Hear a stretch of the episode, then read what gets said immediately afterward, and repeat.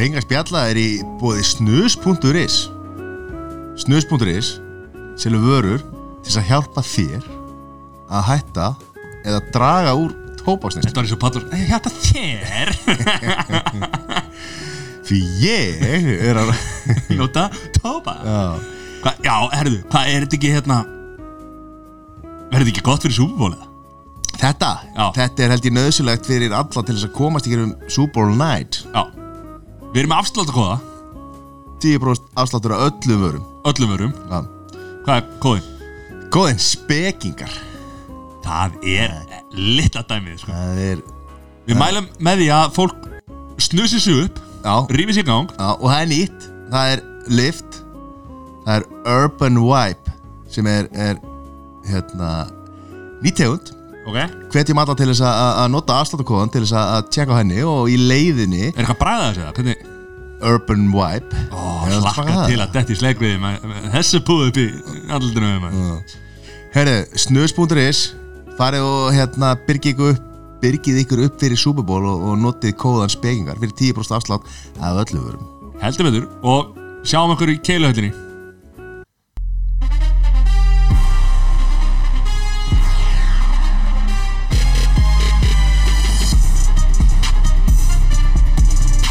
Komiði sæl á blessun. Létti lífur að kátir Super Bowl, sunnudaginn. Strákar, Þú ert aðeins lengur opnandur en ég. Er það? Það intro kemur, já. Já, ég, Það var að grípa mómenti, sko. Já, ég er að vinna með sko foreplay. Já, þú ert þar. Við verðum að vinna í því. Já, skemmtilegt. Ha. Gáðan að því. Það þýr ekki bara að sprengja strax sko. Já, ég er þar, ég er mitt 15 sögna byggi, sko. Það er það sem ég er búin að heyra. Herru, já, Biggi sett koni í stúdíu Hann er á heimaðalli hérna. Byggi peran eða ekki? Nei, það er ekki svo gott. Ég er, ég er þessi ljóti, sko. Já, ég er reyna að starta því. Biggi Pera. Byggi pera. Það veist akkur hann kallaði maður ekki? Pera, það ekki Að þeim er að læginu svo Pera. Nei, sko, ég. Það er, ég, ég held að sagða sé, var ekki pappas kallaði það? Já, það. Já, Var ég ekki held að það er læginu svo Pera? Þetta eru bæði Þetta eru bæði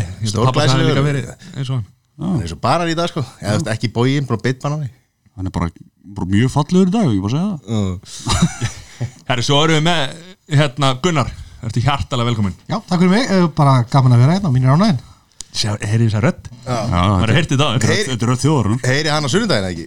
Við erum án á sundaginn, heldur betur. Ég er í, eh, ekki í settinu, heldur á baku tjöldin að fara að lýsa þessu. Já, er það Sko, hvað gera menn Sko, svo færist kameran yfir? Mhm. Ert þú þá bara að hlusta? Kameran svo, já, sko, þetta- við klippum yfir í stúdíu þá Já, bara já, það þú mjúta ég mig og bara, veist, þeir taka við og svo færir hann alltaf inn á milli, sko, veist, Andri segir bara, klippa aftur út af öll og gera svo vel gunni eða eitthvað líka og ég tek við. Já, en er ekkert leiðið að vera einn í klefa bara Nei, sálsveit ekki, sko, það sem er pínu öðruvísu þetta er að vanlega ertu breytin í klefa út með kannski pródusent fyrir hliðina og er þú að lýsa ykkur leik en það er ég bara á borði, ég sitt bara við borð með skjáfri fram mig með bara hliðin á settinu í raun og veru en ég er ekki í mynd Já, já, hann að þú ert ekki í einhverjum lokuðum, lokari kompu Nei. ég fæ svona að taka þátt svona nokkur með Já. í settinu Þeir myndi líta svo illa út ef að þú væri mynd líka sko. Já, er það? Ah, Ég held að ég er það ekki sé bara með rödd fyrir ég er, ég er ekki semst bara með hérna andlit fyrir útvarp Nei, það synd eins og að það það segja. ekki í- í live hérna í, í Ekki eins og við þrý, sko Nú sérðu okkur að við erum með rödd fyrir útvarp Nei, allir fyrir útvarp. Já. En hérna Þetta er uppskýráttíð, ársáttíð Jólin. Jólin. Mm. Hvernig undirbjörnum maður sé undir að fara í, set, í Super Bowl? Til þess að, til þess að lýsa Já, þessu? já.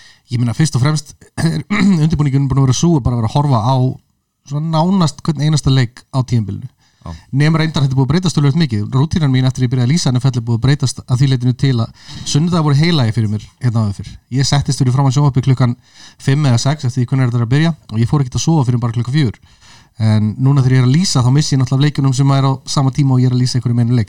En ég er búin að horfa ótrúlega mikið á, á NFL á þessu tíðanbili svo bara, svo bara tekum maður tölfræði saman og uh, kynni sér liðin eins best maður getur það er þetta minni press á því núna í en þess að settið tekur svo mikið við. Mm -hmm. vanlega er ég að þurfa að bera það sjálfur tala um tölfræði, tala um leikinn og svo framvegis en, en settið tekur svolítið pressuna því allan í súbúlu og, og championship leikunum Og bara helmingur á tímanum fer ég að hérna, sína Twitter myndir úr Super Bowl partíunum. Mattin og Það er stærsta hefði náttúrulega líka í maturinn að það sem fólk náttúrulega sekkur sig í. Vangir og, og, og óhæfulegt magna af snakki og gósi sem að síðan fer inn í skáp og geti sín allt fram í, í mars og, og april skilur Og e- e- eðlan og eðlan alltaf, já, ert þú þar eða? Ég kom með ógi eðlur sko Ég kláraði það alltaf klassíst Já, klassið svo sem, jú, ok Ég er bara, svo, ég er bara svona þessi nýja típan sko Ég er Ég- ég- fyrir guak sko Við höfum alltaf verið hjá Sæþóri sko, hérna, í Super Bowl partíu sko, og, Mm. og hérna, ég kem alltaf með fulla fulla póka nammi sko, og svo Já. maður að geta þetta langt, eftir, langt fram eftir ári sko. Nákvæmlega. En hvað hérna, maður sér geggjað myndir úr þessu partí, verður þetta svoleiðis á þér núna, Sæþór? Eh, Verðum við heima á mér? Verðum við ekki í keilvöllinni eða?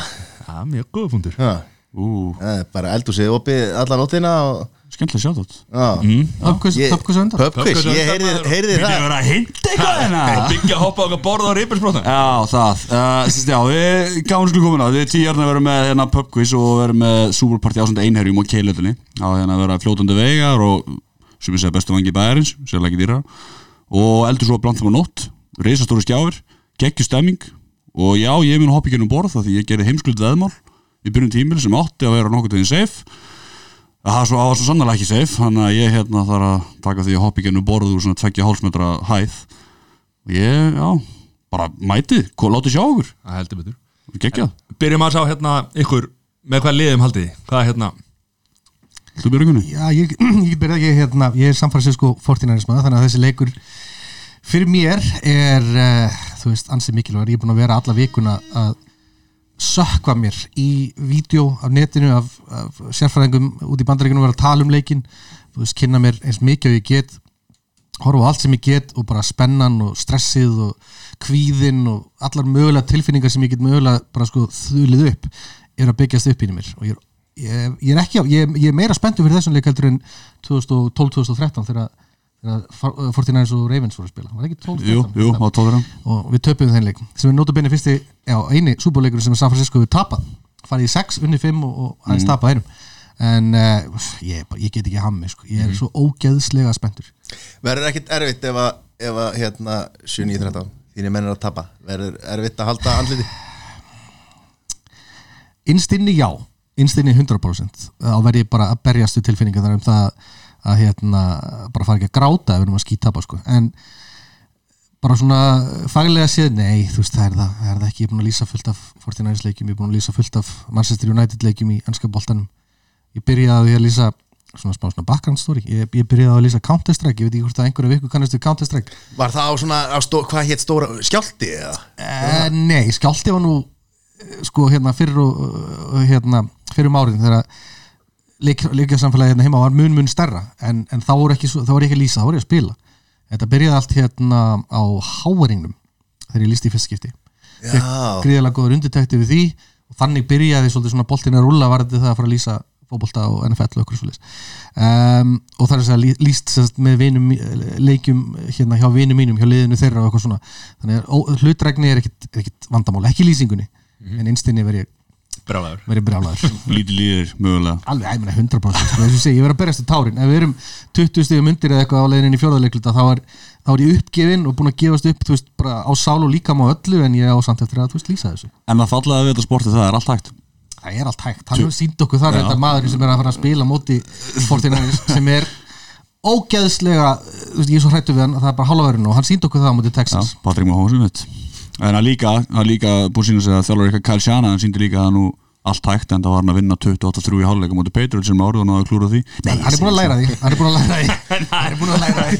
Ég er stressi, ég bara að segja. Hva- hvað kostuðu við boltarum átt í síðasta leik? Áfram, áttu sinni það ekki? Átta sinnum. Og tvisvar í setni hálfleik. Við vorum yfir og Karl Sjárum var bara svona nei, við bara erum ekki að fara að kasta þessum bolta það sem eftir lifir þessum leik, við ætlum bara að hlaupa. Reyndar gekk það fáranlega vel upp þannig af hverju að skipta en En akkur var hann svona hrættu að kasta boltan ég er ekkert svo samfæraður um hann hafi jú ok, hann hefur örugglega verið hrættur um það að einhverju leiti vegna þess að það er tölvöld meiri hluti, það er fleiri hluti sem að geta farið úrskeiðist þegar þú ert að kasta boltanum í raun og veru.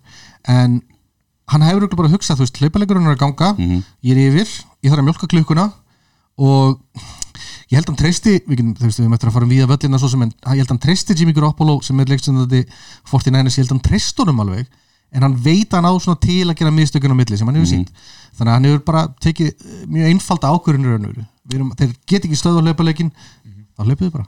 Já, nákvæmlega, bara komið með hana veikleika og ert að íta á hann, ak akkur að fara af skilju, það er einu það sem að umræðan hefur verið, hann gerði eiginlega brendur svolítið á því á móti Patriots, þeir voru um mitt yfir 28-3 í hálfleik, að hann svona hann var ekki að vinna með það sem virkaði í rauninni, mætti ég að segja, þannig að það sem hann gerði þannig var að vinna með það sem virkaði og líka eitt annað með að Jimmy Garoppolo bara kastaði átta sinnum í rauninni á sama tíma, ég er enda mörgum að segja já, það getur hver sem ég gert þetta en samt ekki, af því það er svo mikið af reyfandi, það er svo mikið hérna, bara pieces in motion ég leði með að sletta þessum á ennsku sko, ég er svolítið góður í ennsku sko. það er mikið að hlutum í reyfingu og, og fullt að gerast og, og svo mikið að vera með bolt á réttum stað, réttum tíma og feika í rauninni eins og handoffið hann rætti hlaupan frá boltan að það er hann að feika það sem hann er að gera þannig að varnamæðin halda hann sér þá um boltan skiljur það er svona hlutir og hann veit nákvæmlega hvernig playkólið er. Og það, veist og eins og nákvæmlega Kyle Shanahan treystur um 100% ég tók að freka þannig að hann treystur um 100% þannig að veit að hann mun ekki vera pyrraður því að hafa bara kasta átta sinnum.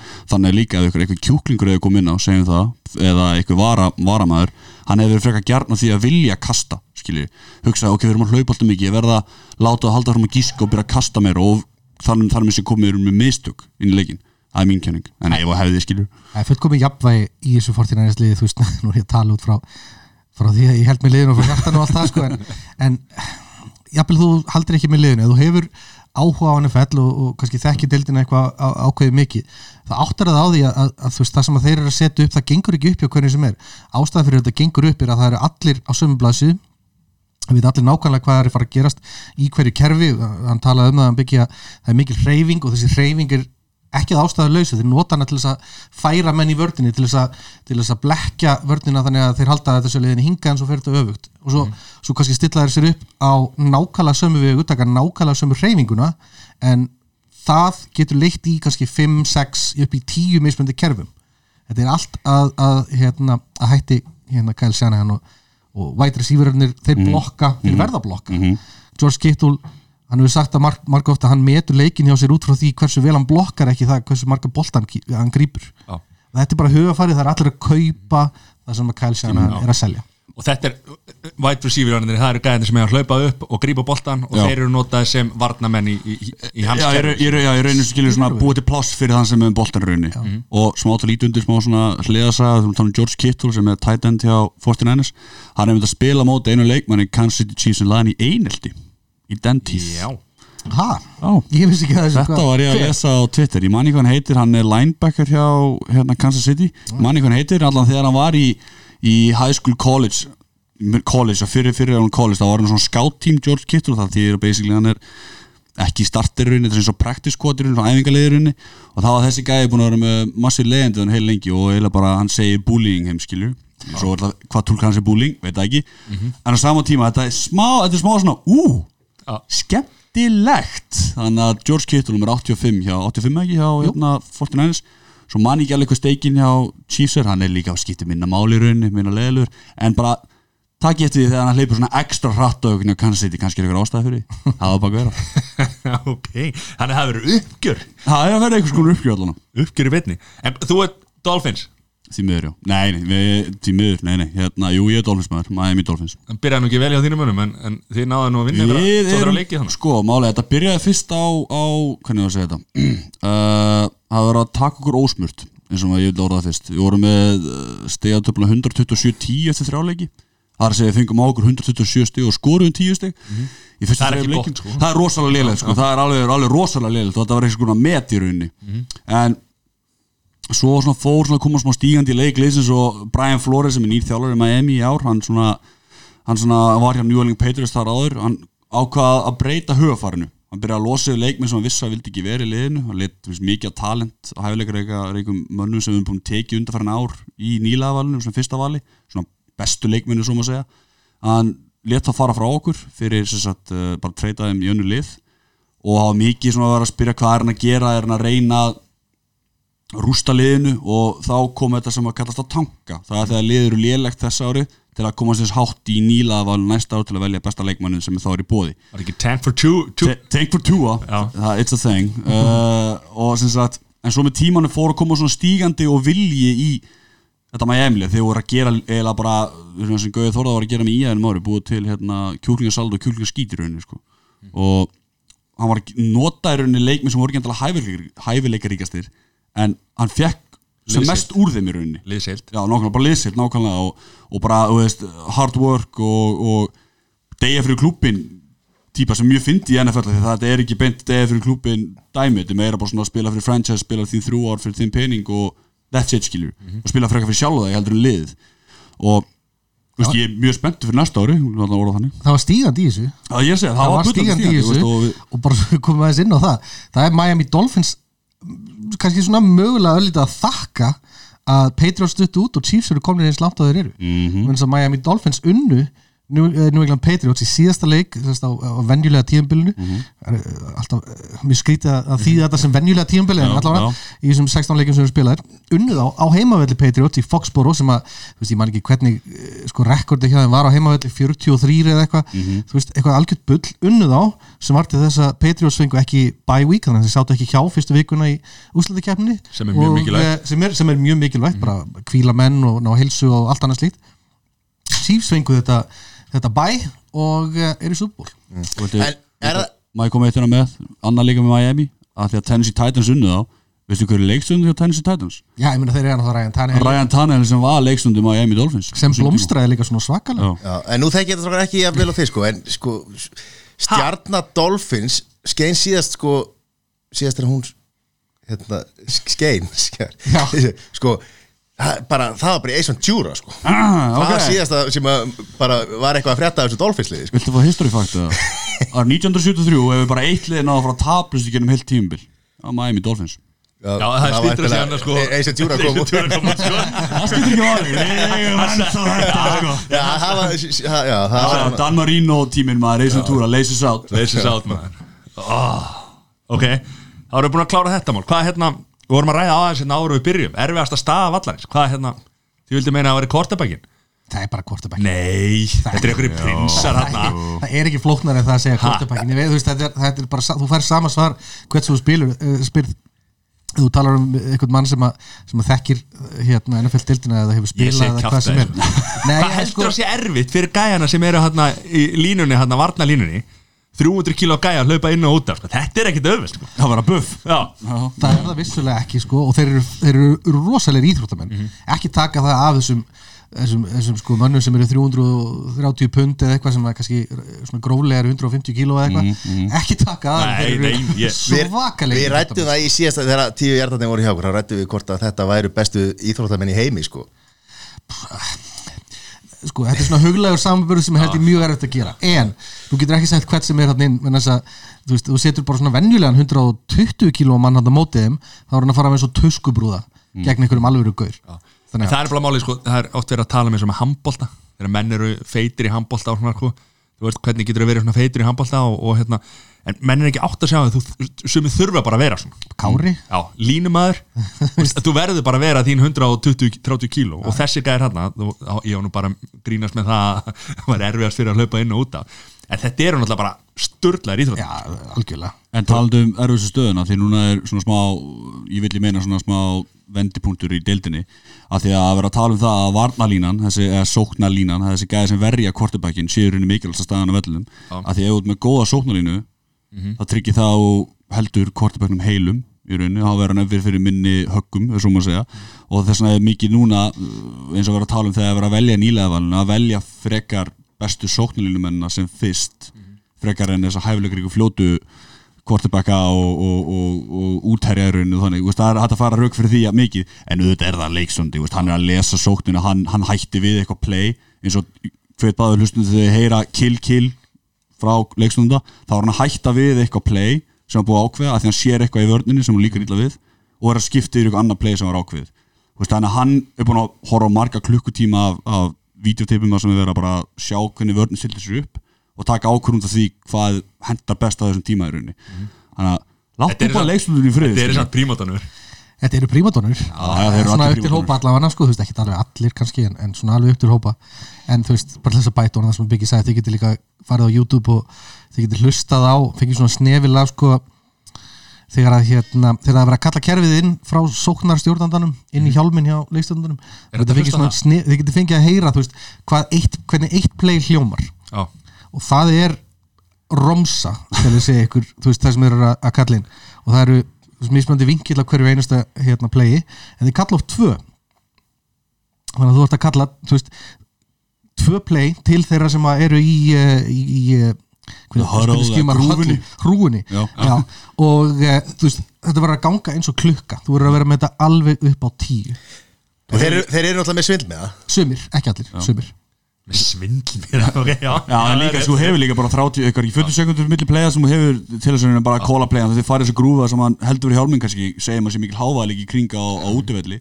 Heldur hann fyrir og meðan hann er að heyra Zulu 37, Sika 55, Scratch 29 og það bara að fyrir grúfa og allir bara, já, akkur 29 Let's go. Það þurfum svo sem allir að vita þetta veist, en, en einhvers síður, þetta, ligg- þetta liggur á leikstjóðunum og hérna þeir hafa reyndar ekki allar 40 sekundum til þess að kalla kerfið inn. Það, það hérna, er kötta á mækin hjá sóknarstjórnunum á 15 sekundum þannig þeir hafa 25 sekundum til þess að lesa þetta En haldið þið þá að þessi menn sem eru leikstjórnundu gætu verið geggja kvöruboltamenn með hennan leikskilning skilur lesa vördina Nei, ekki nei, þú veist ekki að því að körubolti er miklu öðru sem miklu með svona free flowing sport skilur að því að þannig hefur tíma til að stilla upp þú hefur tíma til að sjá hvað er í gangi áður en playið byrjar í körubolti er úst, boltin miklu meiri flæði og miklu eins og flowing íþrótt skilur en, en núna eru sko, leik, leikstjórnund og leikstjórnund er ekki það sama sko. þú veist, eins og núna eru að fá tvo mismundi leikstjórnunda í, í Super Bowl. Mm. þú veist, eins og hérna Mahomes er náttúrulega bara einhver hleypur út úr þessari hól, hólu sinni sem hann er vendar í. svindkall.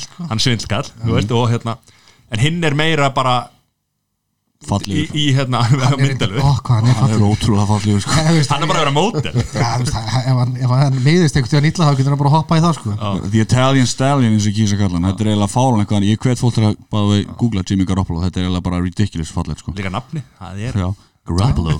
Ég held að hann var í grískur en ítalskur En hérna, já, ert náttúrulega með tvo mismöndir leikstunda Þú ert annars vegar með Patrick Mahomes sem er þessi, þessi cheat code, bara svindkall uh, Hann tekur bara eitthvað er, er, er svolítið eins og Aron, Palma hoppar upp og kastar bolta í marki í handboltanum skilur Hann tekur það í leikjum. Tók hann á móti- hleypur sjálfur. Gerði það á tíðanbílun, Hann ég var að lýsa það. þeim leik. Ég var líka bara eitthvað ég, vissi ekki hvað þetta að segja, hann bara hoppaði og kastaði boltar ég hef aldrei séð það þar Hann tekur líka no-look passes, hann er byrjað að gera það. Þá byrjað hann að horfði hægri og kasta bolta vinstru Og hann er bara spot on, það er það fálun að horfa á þetta. Undirhanda. Undirhandaköst, þú veist. Sem þetta farið að vera algengara. Já, Elamar og þú veist það eru fleiri sem að en hvað, er, er einhver er einhver, er einhver svona Hann er úr Mosó, eða ekki? hann er tengd að svona Mosó. Við ætlum að lifa á því við ætlum að við nei, alveg smá í Við eigum hlut. En þú veist, kemur einhver bylgja um að hvort er betra?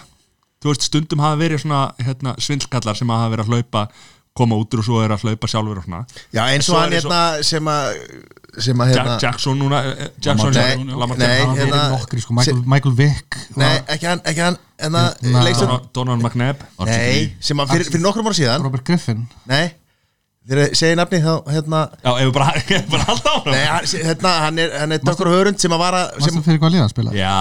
sem að tók alltaf, var alltaf að hlaupa sjálfur. Panthers, Cam Newton? Cam Newton. Já, Newton sem Newton var að, öðruvísi sko. Newton er svona annað dæmi um bara vél.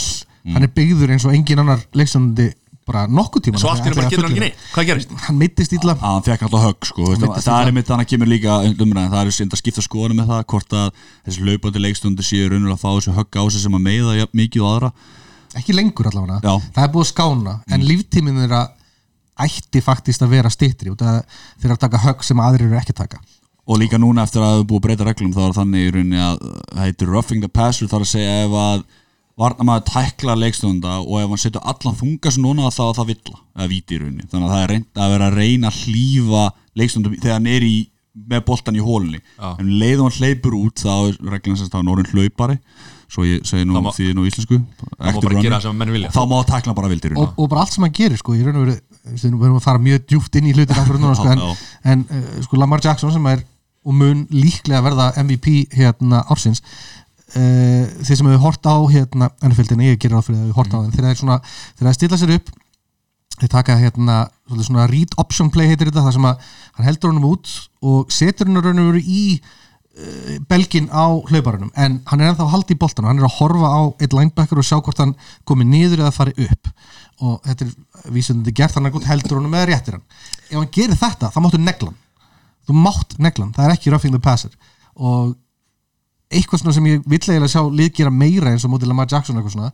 Og hann hérna, hann hérna Harrison hérna hjá Pittsburgh og, og hérna Patriots stór svartur linebacker. Já, já. Man ekki, man ekki Sem hann hættur heitir, núna. James, Harrison allan Já. hann var að segja þetta í viðtala hann segði bara negliðan þú veist ekki lega hann að komast upp með þetta og þetta munur ruglega, þetta stýttir líftíman Mhm. þetta er hættulegt og En þetta er er miklu meiri fyrir vikið. Eða, þetta- er svona eins og ég sé eitthvað, þetta er ekki gaman að segja það með það þetta er náttúrulega bara miklu meiri svona þetta er svona nýr vingill eins og í ár voru að sjá hluti sem við bara ekki séð áður vill ég eiginlega meina þú veist, að ég meina Michael, hvað? eins og Michael Vick, tökum það, Michael Vick eða var þessi brautriðandi rauninu sem hlaupandi kvartabökum skilur, þetta var bara eitthvað sem maður ekki séð áður. Hann hljóp, hann gætt hlaupið rauninu jafn hratt og rauninu wide receiver og, og tekið snögghreyingar sem enginn hefur séð í rauninni að veist að hann hérna var svolítið vitlaus og Hann, hann leifir þessu hundur eða ekki? Nei, hann er að láta hunda hlaupa. Hunda- var, var, var að hlaupa undan hundur Þetta hunda þetta allavega en hérna og Lamar Jackson til þess svona í ár eins og ég hvet bara hlustundur og, og þá sem við ekki séð það bara Lamar Jackson mútið Cincinnati Bengals til dæmis. Það tekur hann eitthvað fjör- snúningur sem hann tekur. Já, 40 hjarta hlaup og þetta er bara eins og sé leik þetta er bara eins og fullari maður mótið þriðaflokk eða fjóraflokk í fótboltaskilju þetta er, hann er bara með snöggar reyningur og sér bara maðurinn tínur hann bara veist, hann er ekki komin í skrefi þá hann er komin fram í honum. Og það er svona hluti sem eru í rauninni og, og, og líka kastgetur hans veist, eins og segi, þegar hann flikka boltar um undirhandaköstin skilju, hann er með þann hæfileika. Að því það var talað um fyrir sísoni að hann ætti ekki að geta kastað, það var talað um að breyta honum í, í útherja eða wide receiver og tala um að vera mistök hjá Ravens og draftan hann er algjörlega búin að afsanna það. Og það er líka sem getur svona smá svona ösku-pusku æfintýri svo má segja, menn vissi ekkert hvað þetta gera á mótunum. Ekki neitt. Það er það sem líka svo Ég var með skemmtilegt tölfræðir að hafa með hérna, 1206 hjarta hlaupandi sem er uh, rúmlega, já, tæplega 200 meira heldur en Michael Vick sem átti metið fyrir það. Mhm. og uh, hann hendi 36 snertimörkum og kastaði 6 boltum frá sér. Þetta eru rugglaða tölur að öllu leiti hljóp 1206 og sko Miami hljóp fyrir marga yfir allt sísunnið, allir undir 569 það er bara sjokkur sko. við vorum með, það við, ég tala um við hérna San Francisco vorum með þrjá gauðra sem hlupu við 500 hjarta. Ég veit allt um það. Sem er þetta annar, annar veist, fyrir alla þá sem eru að hlusta núna og eru að fara að horfa á súbúl og svona, þú veist, við kannski við erum að reyna að fara svona að benda á, við erum kannski ekki droslega mikið nú að tala um leikin endilega, ég, ég, ég ætla ekki að grípa fram í Nei, bara fyrir ykkur, við kannski Nei, förum í það setna, það er rosalega margt sem að hérna, sem að þarf að fylgjast með sem við getum farið svolítið djúpt í.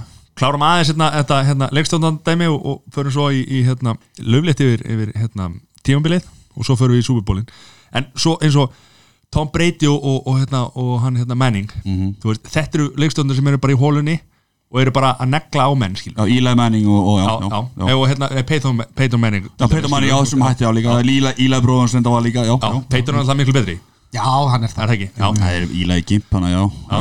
þannig að þeir, þeir, þeir voru alltaf taldir svona bestu kortubækandi bara á þú veist, og, og það er ekki þetta að taka af, af, af Tom Brady, sko, að hann sé bara hann er, hann er Hann er geitin, það skiptir hann er- einhvern máli hvernig þú snýrði því, hann er geitin. Það er ekki hægt að þræta þetta. Og þá er verið að tala um hérna, sem sagt varna, sókna varnamennir þeir gera bara allt til þess að venda hann skilur mm. -hmm. hann er bara kongurinn og það er bara Sóknarlína, já, já, þannig að hérna en þetta eru allt öðru sér leikmenn sko. Er það. Heldur en eins og hérna, þessir hlauparar. Já, já, já, er, Svart- er þeir bara miklu, miklu betri kastarar eða hvað? Sko, þe- svo kemur það það er það- svo maður færi rauk líka fyrir því á sama tíma. Með hlaupandi kortebakkarunni eins og kallast uh, þetta, þú ert með dual weapon. Þú, þú veist í raun ekki hvað færð. Þegar þú ert með, með, með breytilum svona 42 ára gammal, tökum gott að með, uh, en ef við tökum hann í sig ár hann leipur aftur á bakk veist, það, er- það er, þú nærið honum hann, myndi, hann getur ekki hlaupið frá þér Lamar, þeir voru geggjar á Já, venjulega Já, tímafélinu during his prime þá já, það, veist, svo er spurning hvort þú ert með en, kastandi quarterback já, mikið háður því að hlauparinn sé að koma sér í stöðu þannig að boltin fara á horfna stað skilju, í þessi- fyrir þessi deep plays í rauninni, þannig að fyrir mitt leiti auðvitað er maður miklu með hrifin af þessi dúlu öppin leikmenn sem eru sem getur komið hlupið frá og, og sprengt upp eitthvað sem er algjörlega glatað en á sama tíma þá er alveg gaman að sjá gæja að kasta 60 bolt upp, upp í lengst upp í loftin og hann Rodgers til dæmis skottaði mig, hann tekur svo gott Hail Mary það þegar allt er lagt í sölunar, þannig að hann kasta kannski 60 hjarta í endamarki á hinu liðinu. Og það er einhver fimm gæjar en að grípa skiljur eins og, eins og konur en að grípa blómvönd skiljur, tökum það í brúkupi þú veist, ok, þú ert að líka þessu saman ok, já, ég er bara, er líka að þetta er, þetta er samt að ég mæli, þetta er náðast það sama í rauninni. Og við erum með hjálmaði brúkum okay. það er svo það. er er veist, ég, ég veit ekki alveg hvernig það komur fram. Ég, ég, ég er svona ég, þetta var kannski aðsmæli spurning en, þetta er svona ekki góð veist, það er, núna er enn áttur, ég ætla að segja crossroads ég segja alltaf vendipunktur, við erum á crosskutum að hérna, það er núna eru liðaksli fyrir að hugsa, ok, eigum við A að taka svona dual weapon leikmenn svona, Mhm. sem geta bæði hlaupið og kastað sem eru báðið margir nýlega valin í ár eða eigum við að fara þessi þessa, þessa Hefðbundnu rútínu leið. hefðbunum leið sem eru þessi, þessi, þessi þú veist, þetta reyndýr sem stendur, deer in the light skilur, sem stendur bara í pókanum og, Og getur komið boltanum frá sér á hórðan tíma á hórðan stað. Ég meina Og- það sk- skilaði sér fyrir Patriots nú heldur betur. Já, það hefur margt skilað sér fyrir í árin og þetta er, þetta er eitt af því. Og voru mjög hefnir hann með Tom Brady en það hefur hann látið menn vita að því undanfæring hvað, 20 ár og hann er valin með 199 19. árið hans, hann, byrja, hann kom í dildil heldur 2001 hann fá eitt sísonu viðbóta sem hann segir hann sem valin með 199 fyrir einhvern 20 ára síðan eins og Þegar hann er að kenna. Tekur hann eitt ári viðbútt Já, ég held að sé ekki hættur sko. En ég efast um hann að endi hjá Patriots. Ég held að sé að fara eitthvað annað. Það er náttúrulega ekki það? komið í ljós. Já, ég held að. Það er svona tilfinningi sem ég hef fyrir þessu. Ég held að, hann- ég held að hann endi hjá Þú veist það er búið að minnast á hérna Chargers og Mm. eitthvað svona lið. Ég held að hann allavega að fari. Ég held að Hvað heldur hann? Sko, okkar maður Bryant, hann sveik aldrei lit, sko. Hann Hann kláraði, það í leikars eftir, hvað, eftir 20 tíu líka Guð kvíli það nágeta mann. Það voru, það voru leiðenda fréttir er, eh, sko, Þetta er tví ekki sver, sko. Það er eitt að fara og svo gengur þú ekki hjá hann því að hann er ekki með sömu leikmenn og hann hefur verið með, sko. Endar tímabilið svona eins og þegar Jordan kom aftur, sko. Já, já, já. Þú veist, Það eru vang staðið fyrir að bara hætta ok, ekki að topnum að því að hann hérna, fór eins og þetta fór, fór núna en endar samt sem þetta legend í Patriots en ekki hjá þú veist, að hjá Dolphins. ég held að það sé ótrúlega þrjóskur og það er þess að hérna, bara svona hvernig hann spilar og hvernig hann hafa sér. Um, hann talaði um eitthvað hann vildi spila þegar hann er 45 ára sem hann myndi því allavega tvö tíðanbilið við búið og uh, svo er eitthvað vangaveltur um hvort hann sko sé að fá svo, hvort hann fái borgað uh, til þess að vera áfram. Það sem er svolítið svona áhugaverð saga í kringum Tom Brady undanfærin, ég veit það ekki, 5 til 10 árin eitthvað svoleiðis, hann hefur ekki verið launaðasti leikstjórnandinn í dildinni hann átt að tekið á sig launalækkun til þess að liði meiri penning til þess að byggja betra liði í kringum hann. Um, Hann er algjör tím. hann er það reyndar og heilu skili fyrir það sko hann kannski en sko, og, skulum, og win, hann vil alltaf bara hann vil bara Hann vill bara vinna. hann vil bara vera bestur af því hann vil lega flesta titla við skulum líka halda þetta að kona sér launahæri heldur en allir leikmeitir hann í NFL sko. Já, Þannig að, hérna, það hjálpar líka. líka þetta snýst ekki, ekki um það hjá hann sko. Að hjálpa líka að en uh, ég veit að, ég er erfitt að segja sko, út frá spurningunni hérna, Mattias, er, að- er ég held að leikstjórnendur sem eru svona þessi þessi svona hugsandi típa þessi típa sem er í vasanum sem er lesleikin fullkomlega, ég held að svona til langstíma litið og bara svona í grunninn séu þeir áreðanlegri heldur en, en hinnir hitt er samt svolítið svona nýja svona nýja flæðið í deildinni eða svona þú veist það sem er að koma inn og það er alveg hárið til byggja við erum að sjá fleiri og fleiri kom inn Kyle Murray og, og, hérna, og fleiri. Þannig að veit að kannski er það rámt hjá mér kannski myndi það bara algjörlega snúast við, ég veit ekki. En fer þetta ekki bara að ringi Þetta er eitthvað hippakúl núna?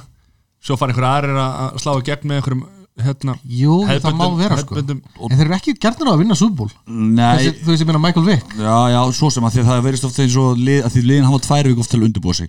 Og þá náttúrulega farið yfir alltaf og hortið yfir alltaf hvað virkaði þegar þessi lið kannski hafa verið að hyggsta og hvað verið ekki virkað þegar það verið að grú tapa í rauninni.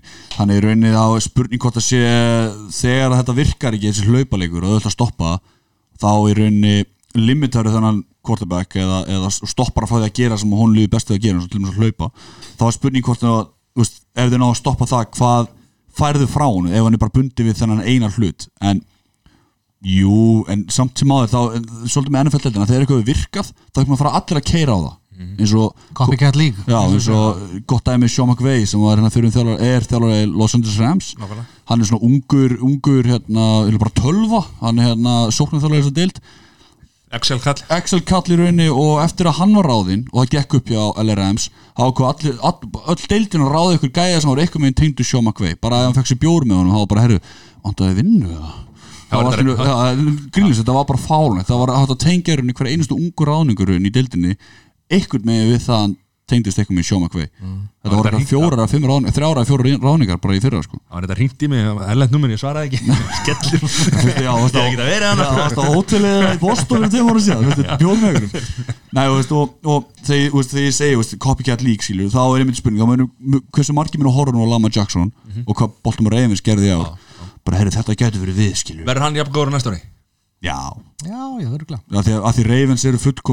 Skím fyrir hann, svo líka það þegar leikmaður mætir í eitthvað organization eða eitthvað lið, að það líka að aðlega lið á honum en ekki hann að liðinu, Greg Roman gerði það, hann sóknast í rundin Nýja Ravens, hann bara hannaði liðið og sóknarleikin í kringum það sem gat, Lamar getur gert. Já, hann bara, Lamara bara settur hann til að blómstra og hann er klála og þess að það, segja mér það munir bara fá meira þessu á næsta ári og en svo líka kemur það að spurning hvort lið ná að lesa þetta en það er það sem ég held að við myndum ekki þetta er svo mikið uh, hvað að segja, tromp eða, eða Jenga piece, Jenga piece er betra orð af því að þú veist, þú geta svo erfitt að lesa hlaupuleikin hjá honum og hann verður bara betur á næsta ári af því að hann er búin að þroskast meira, hann er innis prime í rauninu sem hlaupari og það er svo lengi sem hann fær ekki högg á sig eða, eða meiðist.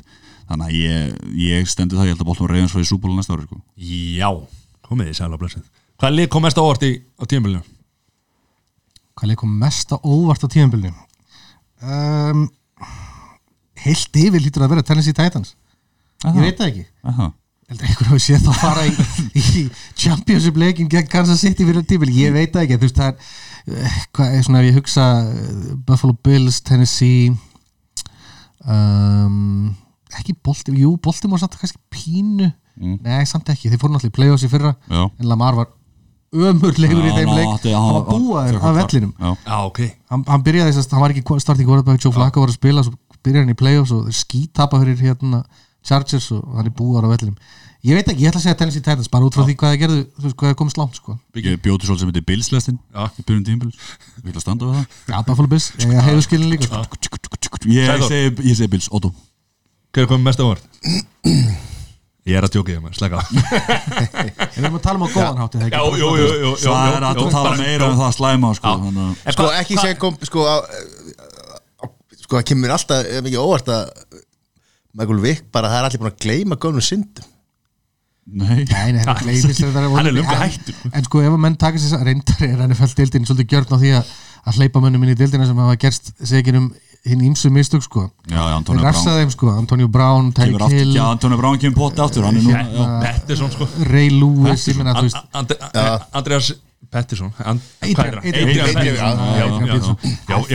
já, búning með hann sko. Það er smá af skellur, dæmum sko. af mönnum sem hafa skitið upp á bak en þeir fá svona, þú veist að sleið á áliðin á þeim og gott aftur, reyndar er deildin svona hún er tiltölu að hörða á þeim. Þú veist, Josh Gordon, það er endalust að dæmi sko. en hérna, Fyndi líka með deildinu það sko Það er, er sko lögreglumálið og svo er NFL-málið Þannig að þegar ef, NFL lögreglan segir að hann gerði ekkert þetta búið þá er NFL-deildinu, já veistu? Nei, við erum ósámála Þú fara eins árs bann og löggan er bara, hann sem gerði ekkert. Já, samt, hann fara ein, hann fara eins árs bann þannig að þetta er bara ill, okkur ítla þetta. Þetta er Menn eitthvað er ekki að gera þetta. Já, svona á ekki að hafa svona ekki að hafa sér. Það gleymist kannski sorry, sorry, það gleymist kannski í umræðinu um það hverju koma óvart. Mínir menn, San Francisco. Þeir voru þrýr og þrettán á síðasta tíðanbili mm Já. voru næst eins og fjóri tólf fyrra voru fjóri tólf? Voru fjóri tólf, já. Þrýr Ég man að því að, að því ég var að reyna að fara rauk fyrir því að Miami mynd fyrir súbúl næsta. Við erum 5-11 sko. Þekki ekki svona einhvern veginn mínu eigin leik séns. hérna, uh, þú veist 3 og 13, eða 4 og 12 yfir í uh, að fara í súból, þú veist, það lítur að vera ansi mikið uppsett, þrótt fyrir að það er enginn geta ímynda sér hversu vel liðinu gekk á tíðanbylunu, jafnvel eftir að það fengi Nick Bosa sem að svona flestir þóttust vita að veri ansi góður en það var svona, þú veist, hvað sé pínu spurningamerki. Að því hann tók sér árs hlið í rauninni frá íþróttina því að hann vildi vera heill. Hann hætti, tók eiginlega, hætti eða einu ári fyrr í háskólaboltanum til þess að geta æft og verið í rauninni heill og sem myndi ekki meðast á síðast tímbilun sin til að fara sín í ennfældinu það er bara myndalegu maður hann er þetta mjög myndarlega líka. En Er þessi San Francisco kallað bara myndalegina? já, Stanley er mjög ljótur sko. Þið veitir náttúrulega hvað Frisco er, tengt við, svona almennt síð San Francisco. Já, já, við erum ekki að hata er gleði borg sko, hérna, fyrir já. kallpenningin sko, en ég held að þið hljóta að vera óal á blaði. Já, það er- enginn sem að bjóstu við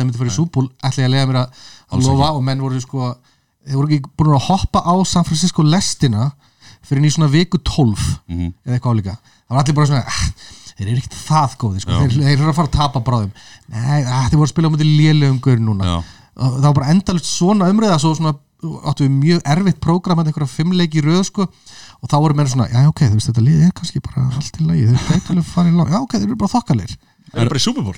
Já, þú veist, svo endur þið bara í súból sko. Það voru fimm leikir sem var erfiðast að leikaprógram sem bara sögunarunni það voru fimm leikir í miður sísunni en með 3-13 Actually, enda eitt rétt með það? Að þeir voru þeim að spáð þeir myndi að fara 3-13 samkvæmt einhvern sérfræðingum Já, fyrir á. Já. þá voru bara eitthvað búið að setja leikaprógrami að tapa þessum, tapa þessum, vinna þennan, tapa þessum tapa þessum, svo fór það eins og það fór. Hvað, hérna, hvað varnamaður, hvað svona Þú veist, kom mest á óvart eða var, var svona Var svona bestu kannski bara? Ef ekki, taka, ef ekki breyta þessi yfir Kom mest á óvart í bara besti varnamaður mm, Á tímabilinu heilt það yfir er, Já, já, bara gera það sem vilt. Shaq Barrett, hann er hérna hann er svona defensive end, hann er svona gæja á hliðinu sem leipur hún í kortebögnum, hann er hjá Tampa Bay. Hann var sérst látið fara á dennu bronkos í fyrra og fóðu sem til Tampa Bay og átti eiginlega að vera bara svona hvernig bara stóra þetta, svona bara fyll upp í rauninni svo bara blómstraðan í rauninni, reynda á mjög heppin fyrstu vikunar en hann, hann gerði mikið fyrir Tampa Bay lið Richard Sherman er hægilegt að tala um hann, hann er hérna cornerbackunni þýður það á íslensku. Ég segi alltaf bakver, bak, bakverður í- Bak, bakur, bakur, útsendingu. já, best orðið, hann er hérna að spila með Seattle Seahawks í, í mörg á sleit á sér hérna hásinuna eða, hásinuna og látið fara síðan í kjölfæri frá hérna uh, Seattle Seahawks sem bæði að vera sumur deild, saman riðil og hérna 49ers, fótið 49ers ég er enda viðkynni þegar hann fór það hugsaði já frábært, bara eitthvað svona bara svona síðasti dýtlinn til að fá mesta peningi skilju, hann er búin að vera uh, drjúur fyrir þá. Var þetta raunmjölu dýl sem hann fekk sko. Já, nei, hann, fyrir 49 skilur, hann er búin að drúa fyrir 49 skilur, það er já. point being skilur. Já, já, algjörlega. og svona Nick Bosa, og það stallar nefnir Já, ég er svo sem ekki ósáð með tvo mínum að það vinni það er kannski bara best að, að láta þetta liggja. Nei, það er fullt af góðum þú veist, það skal ekki gleyma hérna Stefán Gilmore sem er, sem er bakunir hjá Patriot sem mjög líklega, geti mjög líklega verið hérna vartamæður ásins bara í deildinni. Og uh, Minka Fitzpatrick uh, hérna Taro Matthew hjá Chiefs. Já, ég nefndi tóðana ekki ástæðu. Eitt- Eitt er að var hjá hérna Miami, Minka Fitzpatrick, einu þess að lóndi fara sko. Fuck Þú varst ekki ánað með hann. Fuck that guy. Og Stefan Gilmore spil fyrir Patriots Þeir eru með Miami í deild Þannig að Fuck that guy. Ok. Hérna, En ég er svona sammála Ég, er ég, ég er svona sammála Gunnar sko. Ég fór aðeins yfir sóknamanni, það er væntalega bara Jackson sem er svona Já, hann er að fara að verða MVP sko. Það er bara, þetta er alltaf kosið út frá þessum 16 leikjum á, á tíumbilinu sjálfum ekki mm. ús, úslættikefni þannig að hann er mjög líklega að fara að vinna það en Kristján McCaffrey. Kristján McCaffrey og geggjaður. Derek Henry er sálsögur sem vann hlaupatitilinn 1540 hjartar um, það er þúsund meira heldur en Miami Dolphins ok? Já, nokkuð Það, það, það passar, já. Næstu því þrefald Ef að mín töl, já, ef ég til rétt það er rétt, já, og hérna, já Patrick Mahomes á svo sem alveg líka uh, Já, hann var alltaf óöfn, hann alltaf hérna, þannig að, Mér finnst að segja að hann fór úr hérna, úr lið á hnjöskilni já, það leys og hann er að spila í dag. HGH, það er hlutur. þess vegna- er löggan ekkert í þessu og, og, og já, NFL er ekkert að skoða þetta, nei, nei, þetta er, nei, nei, þú veist, og, en, Patrick Mahomes, Lamar Jackson, Derrick Henry, þetta er allt saman, þessi, þessi sérst- sérstaklega Patrick Mahomes og Lamar, þetta er klálega andlit deildarinnar næst komandi árin. Og mjög spennand að sjá í rauninni hvernig deildin mun stillis upp eins og með Patrick Mahomes af því að hann er akkur þessi kastandi, hann er ekki að mikið hlaupandi quarterback og, og Lamar, hann er meira svona kastandi. En á sama tíma er Lamar þessi hlaupandi þannig að þeir eru með, þeir eru með gull í höndunum og svo bara spurningun deildi vinnur úr þessu svo að þetta sé auka áhorf í rauninni sem, er- og by the way, sjátt á þetta áhorf á Íslandi.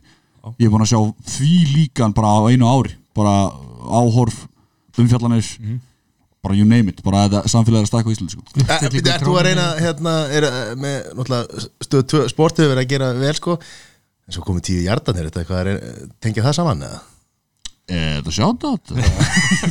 Nei, ég Þetta hjálpar allt Klálega, hjálpar skilur, allt. klálega og ég og eins og við, ég hef upplegað og við allir strákarnir sem erum í þessu, sjátt á þetta á, á Kalla Matta Magga og, og Val, sko að, að fólk er að lappa upp á okkur sem við höfum aldrei séð og bara segir bara, ég veit bara hverju er bara geggja þetta í okkur, fylg í bótt bara, veist, við, og líka bara Twitter og Facebook, skilur, en það er ekstra Twitter, fólk er mikið á Twitter og leikdöfum og gaman að sjá hvernig umfjallan er og líka bara fantasy fantasy fútból alltaf er bara sístækkandi á Íslandi, það er það sem að gerir sporti líka svona smá ekstra skemmtileg skilur að geta verið með leikmenn sem er að spila in real time í deild á móti vinniðinu skilur, frábæð leið til þess að komast inn í deildina. Það er fullkomlega fantasy, fantasy fútból, þú veist, ef þið hafið áhuga á því sem er að hlusta, þú veist kannski einhverja ákveðni vinir eitthvað, þú veist þórið ekki að fara inn í þetta, eða þú veist það er eitthvað smá svona rægi í ykkur, farið í fantasy deild, þú veist, er draftið, hafið bara vesen? gaman að þessu. Nei, þetta er alveg, þú veist, þú ert að hafa smá fyrir þessu en þetta er bara óbúslega góð leið til þess að bara kynast leikmönnum uh, hérna, stöðum og vellinum og alls konar svona og bara líka setja smá fút í þetta.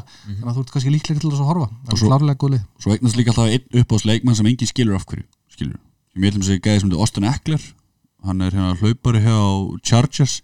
mjög skrítið sko, það þessi gæði er bara svona hvað sé, hann er svona lala leikmaður rauninni. Hann, Já. hann, hann samt hefur sínt Miðlungs. mjög, mjög hérna bjarta hluti rauninni með Chargers og hefur minnst hann meira kredi skilja en, en, en öðruvísi, en hann treyði mig til dæmis uh, Sigur einn deild það skiptir mér mjög miklu máli. Og annar leikmaður sem ég, ég held þessum þrýr sem að höldum mikið upp á þannig það er Mitchell Trubisky það er leikstundi Chicago Bears. Hann, hann gerir mikið fyrir mig í fyrra og ég var verið hans maður since day one. Þú ert búning með hann ekki? Já, ég Já. já, há mikið leðið með því ég kæft hana en þarna sko þarna ertu ekki, þetta er ekki svo enski boltinn að þú heldur bara með þínu lið og þeir eru drullu sama hvað hérna þetta salatblæði liðbúl er að gera og, og manadraslið þarna og eitthvað svona skilju þeir eru drullu sama en þarna einhvern veginn að velja sko fullt, úr, fullt af liðum skilju. einstaklingin já, já, og svo eins og með gerir það reynda líka í ef þú ert í fantasy í, í, hérna, í, í knaspinu þá að- fantasy, já. í fantasy, þá ertu að vonast þess að einhver en- framher í skori til þess að fá stig sko, en svo eins og ég hef verið í Ameríku þegar hérna, úslitakeppnin er og svona og, og Super Bowl. Menn velja sér eitthvað lið. Ef að lið, liðið þitt kemst ekki áfram þá er bara allt í læg þeir eru bara liðlega þessu tíðanbili, nú fer ég að velja mér annar lið. Í meistaradeldinni fótbolta ef að liðið þetta út, þá er þetta bara meistaradeldinni búin sko. já þetta, er, allt öðru í bandaríkinu sko. ég, ég tengi bandaríska íþróttu svolítið við allan svona fyrir mitt leiti leikmenn. Þú veist, þú, ert svolítið gjarn á því að halda með einhverjum ákveðin leikmenn, bara eins og NBA eða eitthvað líka. Mm -hmm. held ég að menn tengi það svolítið bara svona já nei, þú veist, Kobe er bestur, Jordan er bestur Lebron er bestur, held ég bara með honum og liðinu hans. Um, það er ekki fa fastur í einhver einu liði og, og hérna. Nei, það að, þetta er svo flóki sko, um hvernig mönnum er treytað og fram og tilbaka í báðan deildum og það að liðin eru bara tiltöl, ekki, ég ætla ekkert mjög, ekkert mjög gjörn á því en þau eiga það til að bara flytja sem set það er ekki eins og, þú veist Manchester United sé að fara að- að að færa sig yfir til Sheffield eða eitthvað á, á næstunni sko. og heiti ennþá samt sko, þá myndi að heita Sheffield Manchester United sko. Já, ja, þú veist, nákvæmlega, eitthvað álíka Oakland Raiders er að fara að breytast í hérna eins og, Las Vegas eins og hérna, Þeir ef þú fæðist í Vegas. Vespa Reykjavíkur þá ertu bara óþólandi káringu fyrir lífstíð sko. Það er bara þannig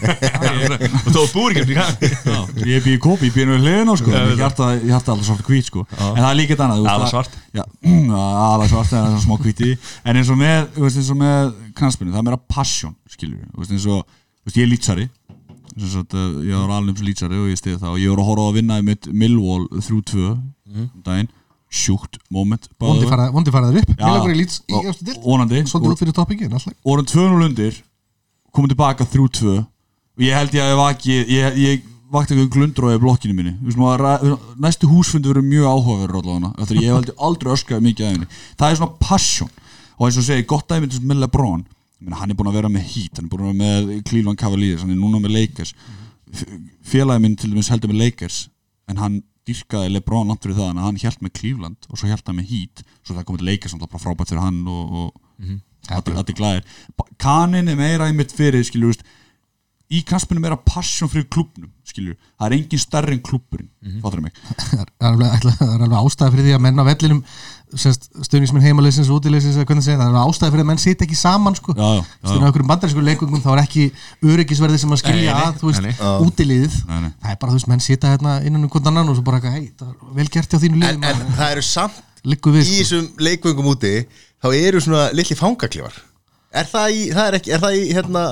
er það á Trafford og Anfield og þessi svona? Já, já. fangaklefar, hvað það er svona hisl, eða, sem sagt, já, hislur sem ætlar að geima fólk Hísl, Þú hvað er veist, það að það með? er, ég sé þetta í einhverju bíómyndum og svona skilur, ef að einhver er með ólæti þá er hann bara skellt í jaili á staðnum sko. er eitthvað, er eitthvað svolítið í fjöllum sko. er, það, er það það ekki er- bara svona eitthvað svona, bara svona geimsla fyrir, fyrir security til að setja mannin í þannig að lögum kemur það? Jú, þetta er, þetta er bara Bandaríkjamenn náttúrulega- basically bara herbergi skilur til þess að geima þau sko. Þetta, er, heitir Fifty Shades of Grey þetta er bara, þú veist að, ég meina, þetta er bara svo döðuklefin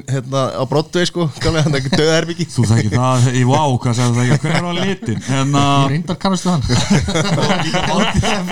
Málið sem líka með bandarækjumennu það, þú veist eins og í Evrópu eins og Breitlandi, bara res- respect for law enforcement, skilju, mm. kanin er alveg, þú veist, þeir eru skýt hættu Nei, og sko- það er protect yourself, skilju, þannig að það er ábúinlega kannski ástæðan okkur, eins og, eins og í England til dæmis, það er náttúrulega bara meira bara að tala með hnefunum og, og, og meiri bandir, það er miklu meiri bandir til dæmis í, í hérna hvað er bara í ennskan knaspinu þess að það er ekki til bandir í bandaríkjum, það er bara rude, skilju Já, það koma til saman og horfa á leiki skilur ekki máli, þú veist, hér, í fótbolta þá horfa Liverpool menn saman leiki. United menn horfa saman Já, leiki. já. það er ekkert sko veist, það er ekkert verið að hittast ykkur hópur af því að við viljum að horfa allir á, á leikin af því að liðið mitt er að spila við liðið þitt sko. Maður vill ekki vera með þeim sko, bara ef þetta fyrir illa. Og þetta fyrir alltaf illa í United þess að dagar En ég held samt að eina liði sem kannski er í, í bandringin sem kannski er erfitt með þetta ætlum eru, eru tvö reyndar. Það er Philadelphia Eagles, það er Scum tölum bara reynd út uh, og Patriots.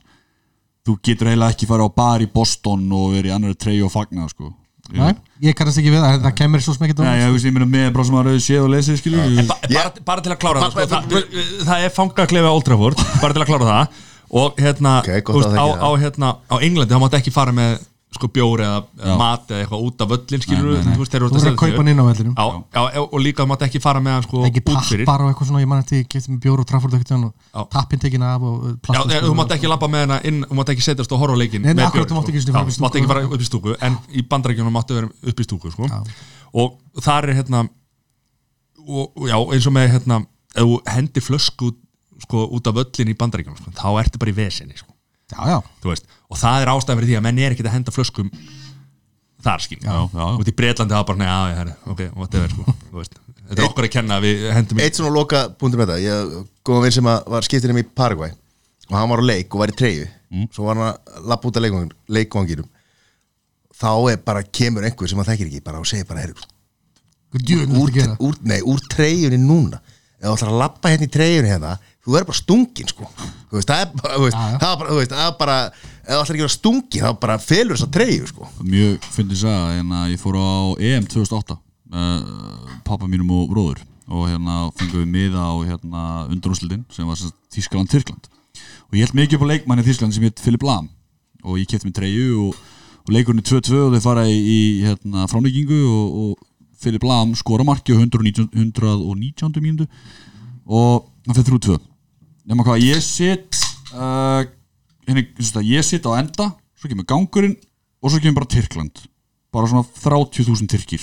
Allir rauðir bara, þú veist, með svona, þetta er svo þetta er svolítið svo óttamannaveldi að vera að taka á móti. Það voru trommur, það voru svona þetta hljóðfæri sem gefur þessi skrítir hljóð sem er svona Tyrklands þema. Búsela. Já, að fæning skilja það var allan að, það var festival hann að vinstra megin. Fyrir blam skorar og svo kemur þjóðveri upp og ég snými við og ég, bara að vittlisingur hann að bara 15 ára gamall snými við og ég set þumlan á nafnið skilju, bara eins og maður gerir, pumpa nafnið. Í áttinu raunin að Tyrkjónum en ég fatta það ekki því ég er að beina þessu þjóðvörunum að ég var svo mikið stemmingu. Ég hef aldrei, se- pabbi dróf pabbi reyfi öllum minn þú setjast niður þú setur hérna og þú stendur ekki upp svona eftir að leiknum og svo hlupu út í leikunum að því að Tyrkin alltaf bara myrða mig. Þetta er sami maður að skora marki sem að treyða það Tyrki dött út að hann á- að líða mitt í raunin á línunni þú ert- þú ert að konum að lýsa eftir þér í Tyrklandi sko. ég hef smóla það, ég fer ekki til uh, Marmaris í úrskutafæri eða, eða eitthvað þannig Er ennþá verið að fara þangað? Það er skilst það já. Herra, besti stjórin Tjúvill náði ég hérna. Besti stjórinn? Já, uh, það er nú spurning sko.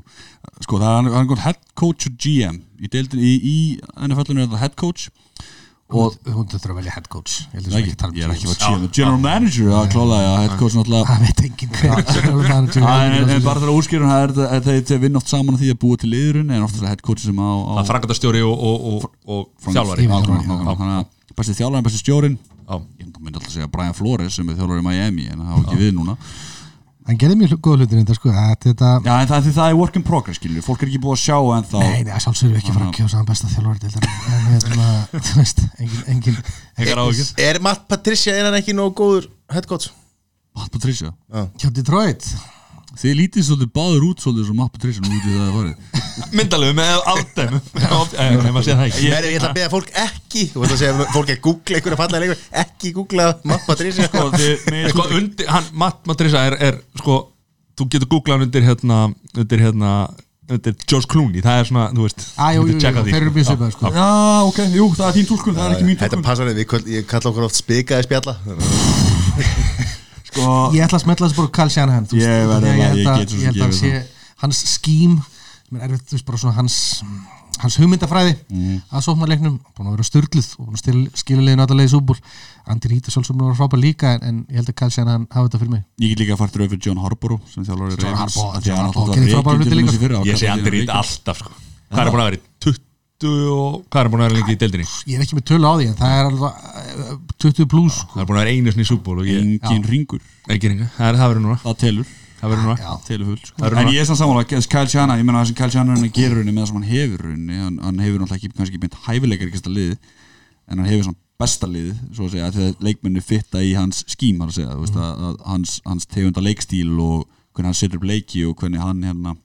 já, hlaupa, hlaupa, hlaupa, hlaupa leikin og fleira þannig að Það er spurðu mikið, það er Belichak það er enginn að spyrja því hérna. En, yfir- en hérna, nú er já, já, en hérna, núna erum við að tala um sko varnamann, sóknamann og svo er sérlið. Já, hver er besti svona sérliðs leikmaður hérna, ég kalla alltaf hérna, ég, hérna, kalla alltaf sérsveitina. Sérsveitin Ah, skemmtilega finnst það svo skemmtilegt. Ég, hérna, og það, er, það er mikið hugarangur skal ég segja ykkur, þú veist, þegar maður byrjar að lýsa þessu öllu saman, að finna ykkur nöfn að íslenska þetta allt saman, svo maður sé ekki að sletta hérna hægri vinstri í útsendingu sko. innherri, útherri, bakverður allt þetta dæmi, það var mikið að velta fyrir mér hérna, special teams og hérna, eins og segir, sérsveitin, mér fannst það einhvern veginn Varst að spyrja um bestu Já. sérsveitinni í dildinni? já, já, já, hendum við það bara.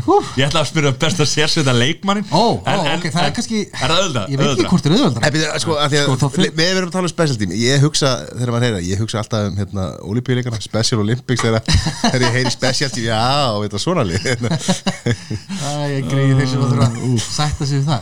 Ég, veistu, þetta er, þetta er, þetta er erfið spurning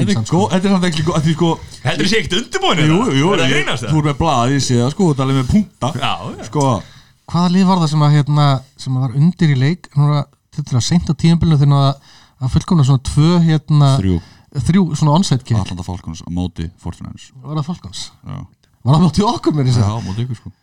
Ok uh, Þú getur ekki Ég er sagt. ekki búin að blokka það bara svona alveg út út af því að Jú, ég man þetta snertimarkinu Julio Jones. Um, Sér- sérsveitin, það eru sér gæðinir sem er að sparka frá sér sparka, sparka í, í, hérna, í, í markið, Þessi punter, kicker, það er þessi gæði sem í læginu er eh, þú veist, ok, maður það eitt að vera stór og feitur og vera svona á línunni og sterkur. Þessi gæði lítið þess að sé bara fertu í pappar sem ringt í bara hitt út í Walmart getur þú sparkað? Svona sömur, ekki dattir En svo, Stór svo, svo er þetta náttúrulega líka gæðinir sem að taka á móti boltana Já. þegar leikurinn byrjar þannig að er, þetta er Og þá er mikilvægt að, að sé hvað, leysis out eða? Leysis in. Hann heitir Sindri Þór, hann er kikkerinn hjá hérna einherjum, hann er búin að senda mikið að punktum með það. Hann segir, skiptir ekki máli, þú verður bara að hitta boltan rétt.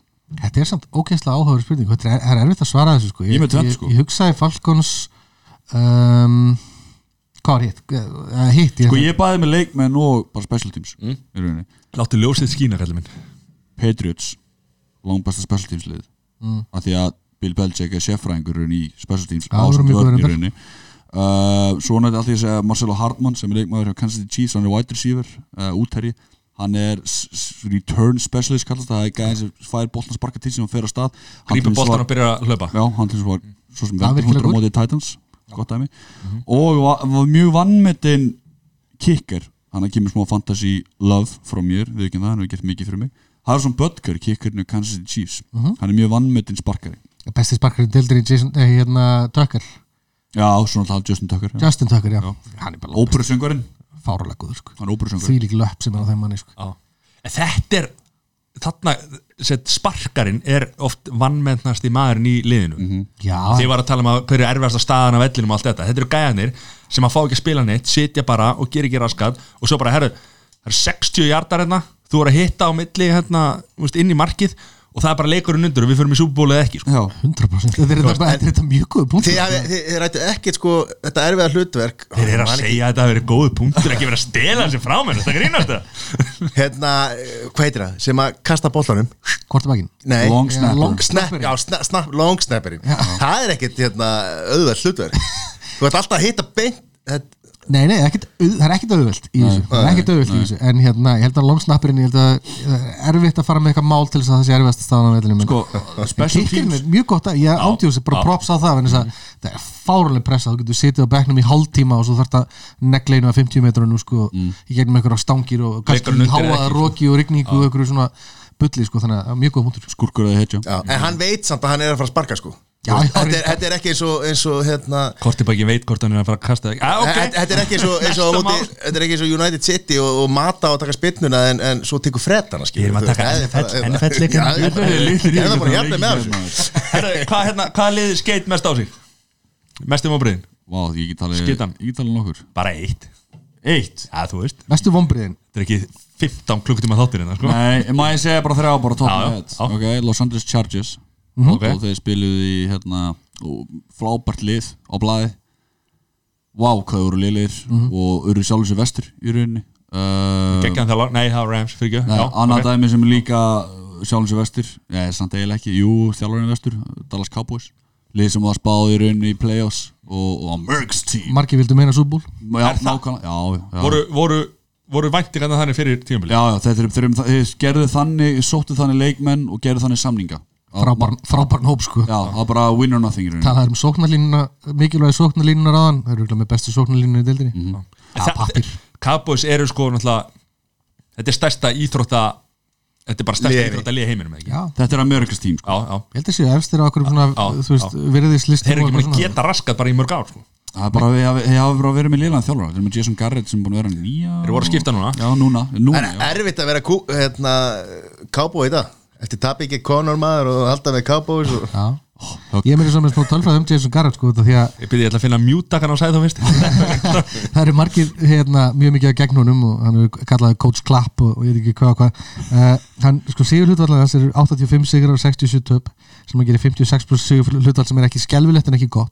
85 sigur og 67 töp sem að gera 56 plus sigur hlutvall sem ekki skelvilegt en ekki gott svona mm -hmm. milli. hann hefur farið sem sagt, á tíu tíumbili hefur hann bara þrísvarsunum farið í playoffs og aldrei komist langt það er ekki sérstætt og fjögur af þessum tíu tíumbilinu endaðan 8 á 8 og bara sigur hlutfall einhver þrjú tíumbil af þessum tíu þannig að það er bara svona algjör miðlungsþjálfari sem einhvern veginn áhældi mjög erfitt með að móti vera leikmenn og eitthvað svona það virðan enginn er þeir að fá góðan þjálfara núna? Já, Mike McCarthy. Er mjög já. En líka málið með sko Mike McCarthy, akkur kannast við það Hann var í fyrir- svona 15 ár. Sigurvegari. Já. Það munur á Jason Garrett öðrum. Reyndar vann bara eitt súbúl En samt sem að hann er hann verið sigurvegari. Hann er meiri sigur, 100% ég er þetta með tölfræði við það líka hann í En- en- en hérna, hann fór með Packers í playoffs ég, ég veit ekki hvað það var nýju ári röð sko, þannig að var hann þá ekki með hann hérna leikstönda hérna? Brett Favre. Ja, Brett Favre. Og, og, og Brett Favre og síðan Rodgers Það er vindalegu maður. Það er mjög myndalegu maður. Hann er gránað vel sko, það. Og líka sko eins og með hérna, uh, með Jason Garrett skilur, hann er með Jerry Jones sem er yfir honum. Og Jason Garrett spilaði hjá Cowboys það var ofta að tala um okkur Jerry Jones eigandi Cowboys og svona treyður þegar láta Garrett fara að þegar var að tala um að vera svo góði vinnir the family business. Fam, family business. Hann talar um það, verið það the family business. Þannig að það er oft verið svona umræðinu það hvort það hefur verið, ok, ertu tilbúin að þá undanfæri nýju ár hafi farið í vaskin út af einhverju family business skilur, Amerikas tím Það er heiður skilið fyrir það sko, að mörgu leiti sko, það, er, sko eru veist, einn er eitthvað hérna, varafórseti og annar er eitthvað svona sölu og markas hérna, stjóri og dóttirinn gerir eitthvað annað, veist, þeir eru bókstæðlega family business. Uh, og þeir eru mjög hrifnir af hérna, uh, hérna mönnum sem hafa spilað fyrir lið, sem að þekka kultúrin Kellen Moore sem er, sem er fyrir hann svona vara skeifa, alveg eins og Jason Garrett var. Uh, hann er sóknarstjórnandi liðsins og var það í fyrra.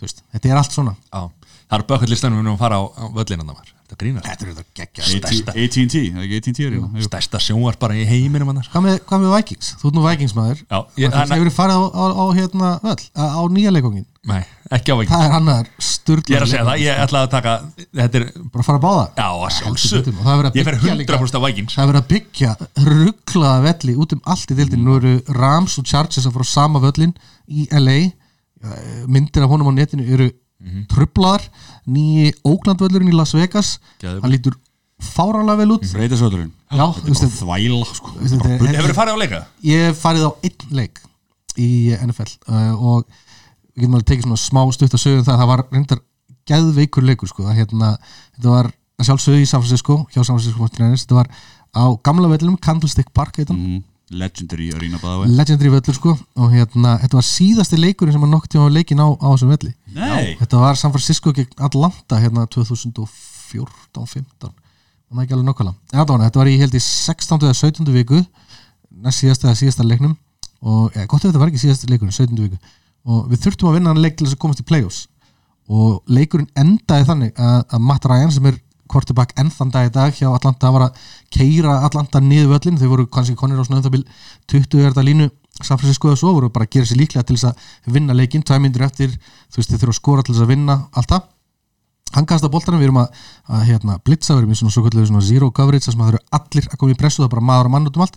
Og við komumst inn í boltan og Navarro Bowman fer frá 20 jarða línni alla leiðin í endamarkið og skora snertimark og það verður allt gjörsanlega trillt á vellinum þannig ég var ansi heppin með leik sem ég fór á, ég mun aldrei gleyma þessu. Aldrei, bara svo lengi sem ég lifi sko. en ég borgaði líka dágóðan skilning fyrir að hérna, fá þennan heiður að fara á velli. Gott að það voru ykkur 400 dólarar sem ég borgaði fyrir mig En það er minningi minn að fara á að sko, er- eins og ég sagði legendary að það allir titlar Francisco fara á loftana okay. Nei, ég- ja, skilur, veist, sigurliðin að spila á þessum velli skilur, ég mun aldrei sjá eftir þessu pening sko. ekki, þú veist, jafnvel átti ég hefði borgað sko, þúsund eða 2000 sko, og þetta hefði farið svona þá hefði ég lappa skjálpur og sendið út sko.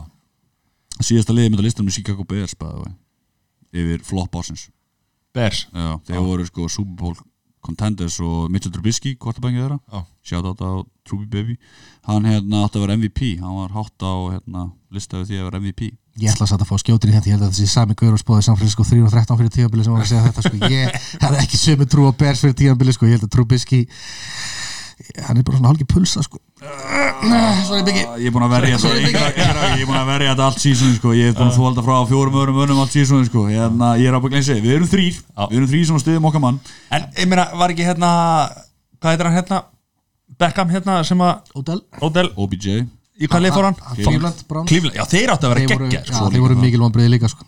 það var bara enn áttur þjálfari vil ég minna. Já, hann var ekki sannfærandi á línu hann hérna Freddy Kitchens. Freddy Kitchens það er málega skilur þú Á hann ekki bara verið í eldursunni það vantar eitthvað svona sá hvað er, hérna trómyndir á mixindum Það er hann nei. Nei. 20 myndir senna Sko málega er samt eins og með Cleveland Browns gott dæmi, það, þeir voru overhæpast að liðið á sísonu, það er aðlega að segja það. Þegar á að tala um bara að þarna væri bara komið það mikið af uh, hæfileikum og stórstjörnum að þetta, þetta er bara bound to happen að þið fari í s- bara úslitt í rauninu bara í súból en þegar út með svona gæðins og Freddy Kitchens þá þarf það, og fyrir svona lið þarf það að hafa mann sem getur haldið utan um þessar stóru karaktera skilur og ég meina um leið og fór að blósa á móti skilur og plani fór ekki að ganga upp voru menn ekki lengi að byrja að benda puttum okkur annan og, og hvað að segja, bara kasti inn hangklæðinu, við svo maður segja. Já, ég er þetta alveg sammála. Þeir eru mjög fyndið lið sko. Þeir, þeir voru hvað 6 og 10 minnir mig. Já, 60 já. Og hérna uh, þeir voru svolítið upp og niður sko. Þeir flengdu upp boltum og reyfins á tíðanbylunu Já, bara ekki svona flengdu það þegar þeir voru bara að keira yfir öll lið og allir bara hvað kom þetta? Og áttu líka notabenni örglega skemmtilegasta kannski svona umdelinett hvort þessi skemmtilegasta atvik eða með sjokkrandi atvik deildarina bara í mörg mörg ár. Það er hérna Miles Garrett og Mason Rudolph.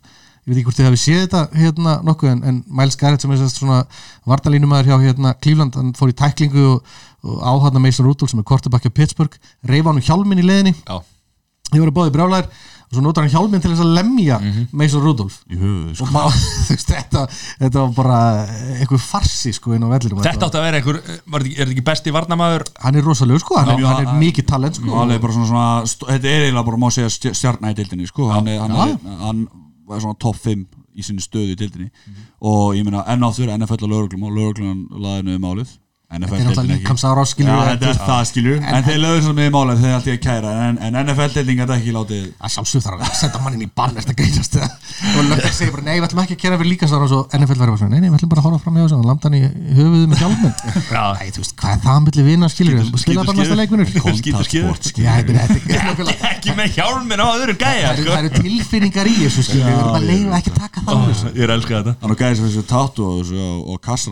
í að að að að Í, hérna, í Cleveland. Þetta ekki fara úr á ofan og sína okkur þetta? Fyndi að segja frá því að, hérna, Hérna, varnamaður sem skeit á sig. Tökur löflétt þarna, varnamaður, sóknamaður, stjóri Miles Garrett Já, ég ég það, er það, það er bara það sem ég hef Það hann er var bannar út tíanbili sko þannig að hann, það hjálpaði liðin ekki mikið. Það Það það er Hann má vera með í næst, bara, Já, ég held það, ég man nú ekki alveg hvernig það leit út en Þetta, þetta var indefinite suspension því það er uh, ótímabær. Það er bara ekki tímasetningur en NFL-liðin er fljóta fyrir ekki það og- Sóknamaður Sóknamaður þú veist, það eru nokkrir þú getur sagt. Philip, Philip Rivers Já, ég getur svo sem að séð það Já, jú, ég get alveg séð það en ég get líka séð uh, Baker Mayfield leikstundi uh, Cleveland Browns en það er kannski ekki honum að kenna Það er, þetta bara, er ekki eitt sem bara gefið til greina Antonio Brown Jú, Antonio Brown Er það ekki? Jú, Antonio Brown Þetta er mjög góð mundur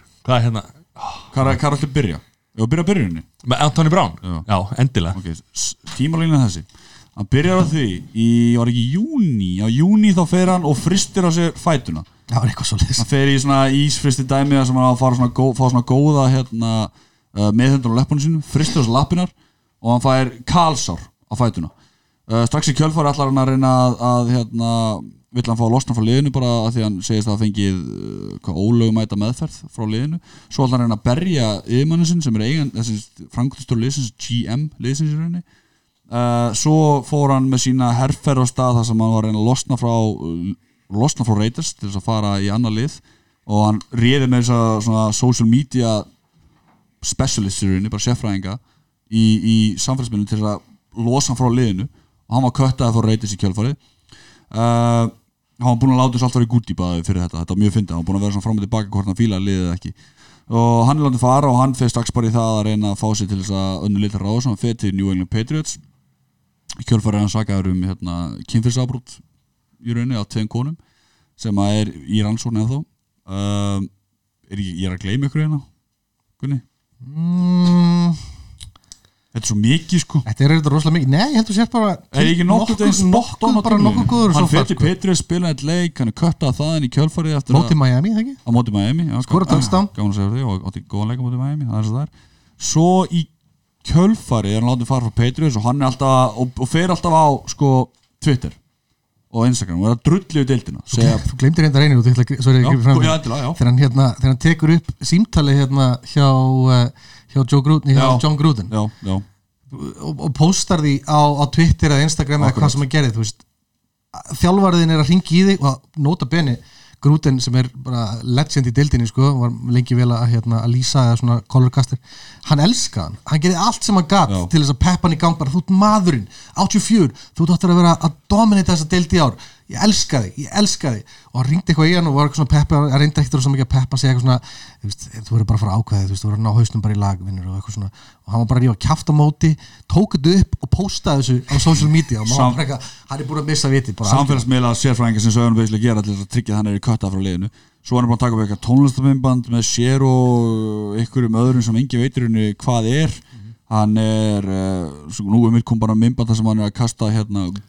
upp og öðrum sem er hann er er hann er að sem í læðin svo tippi í konu sínu Já.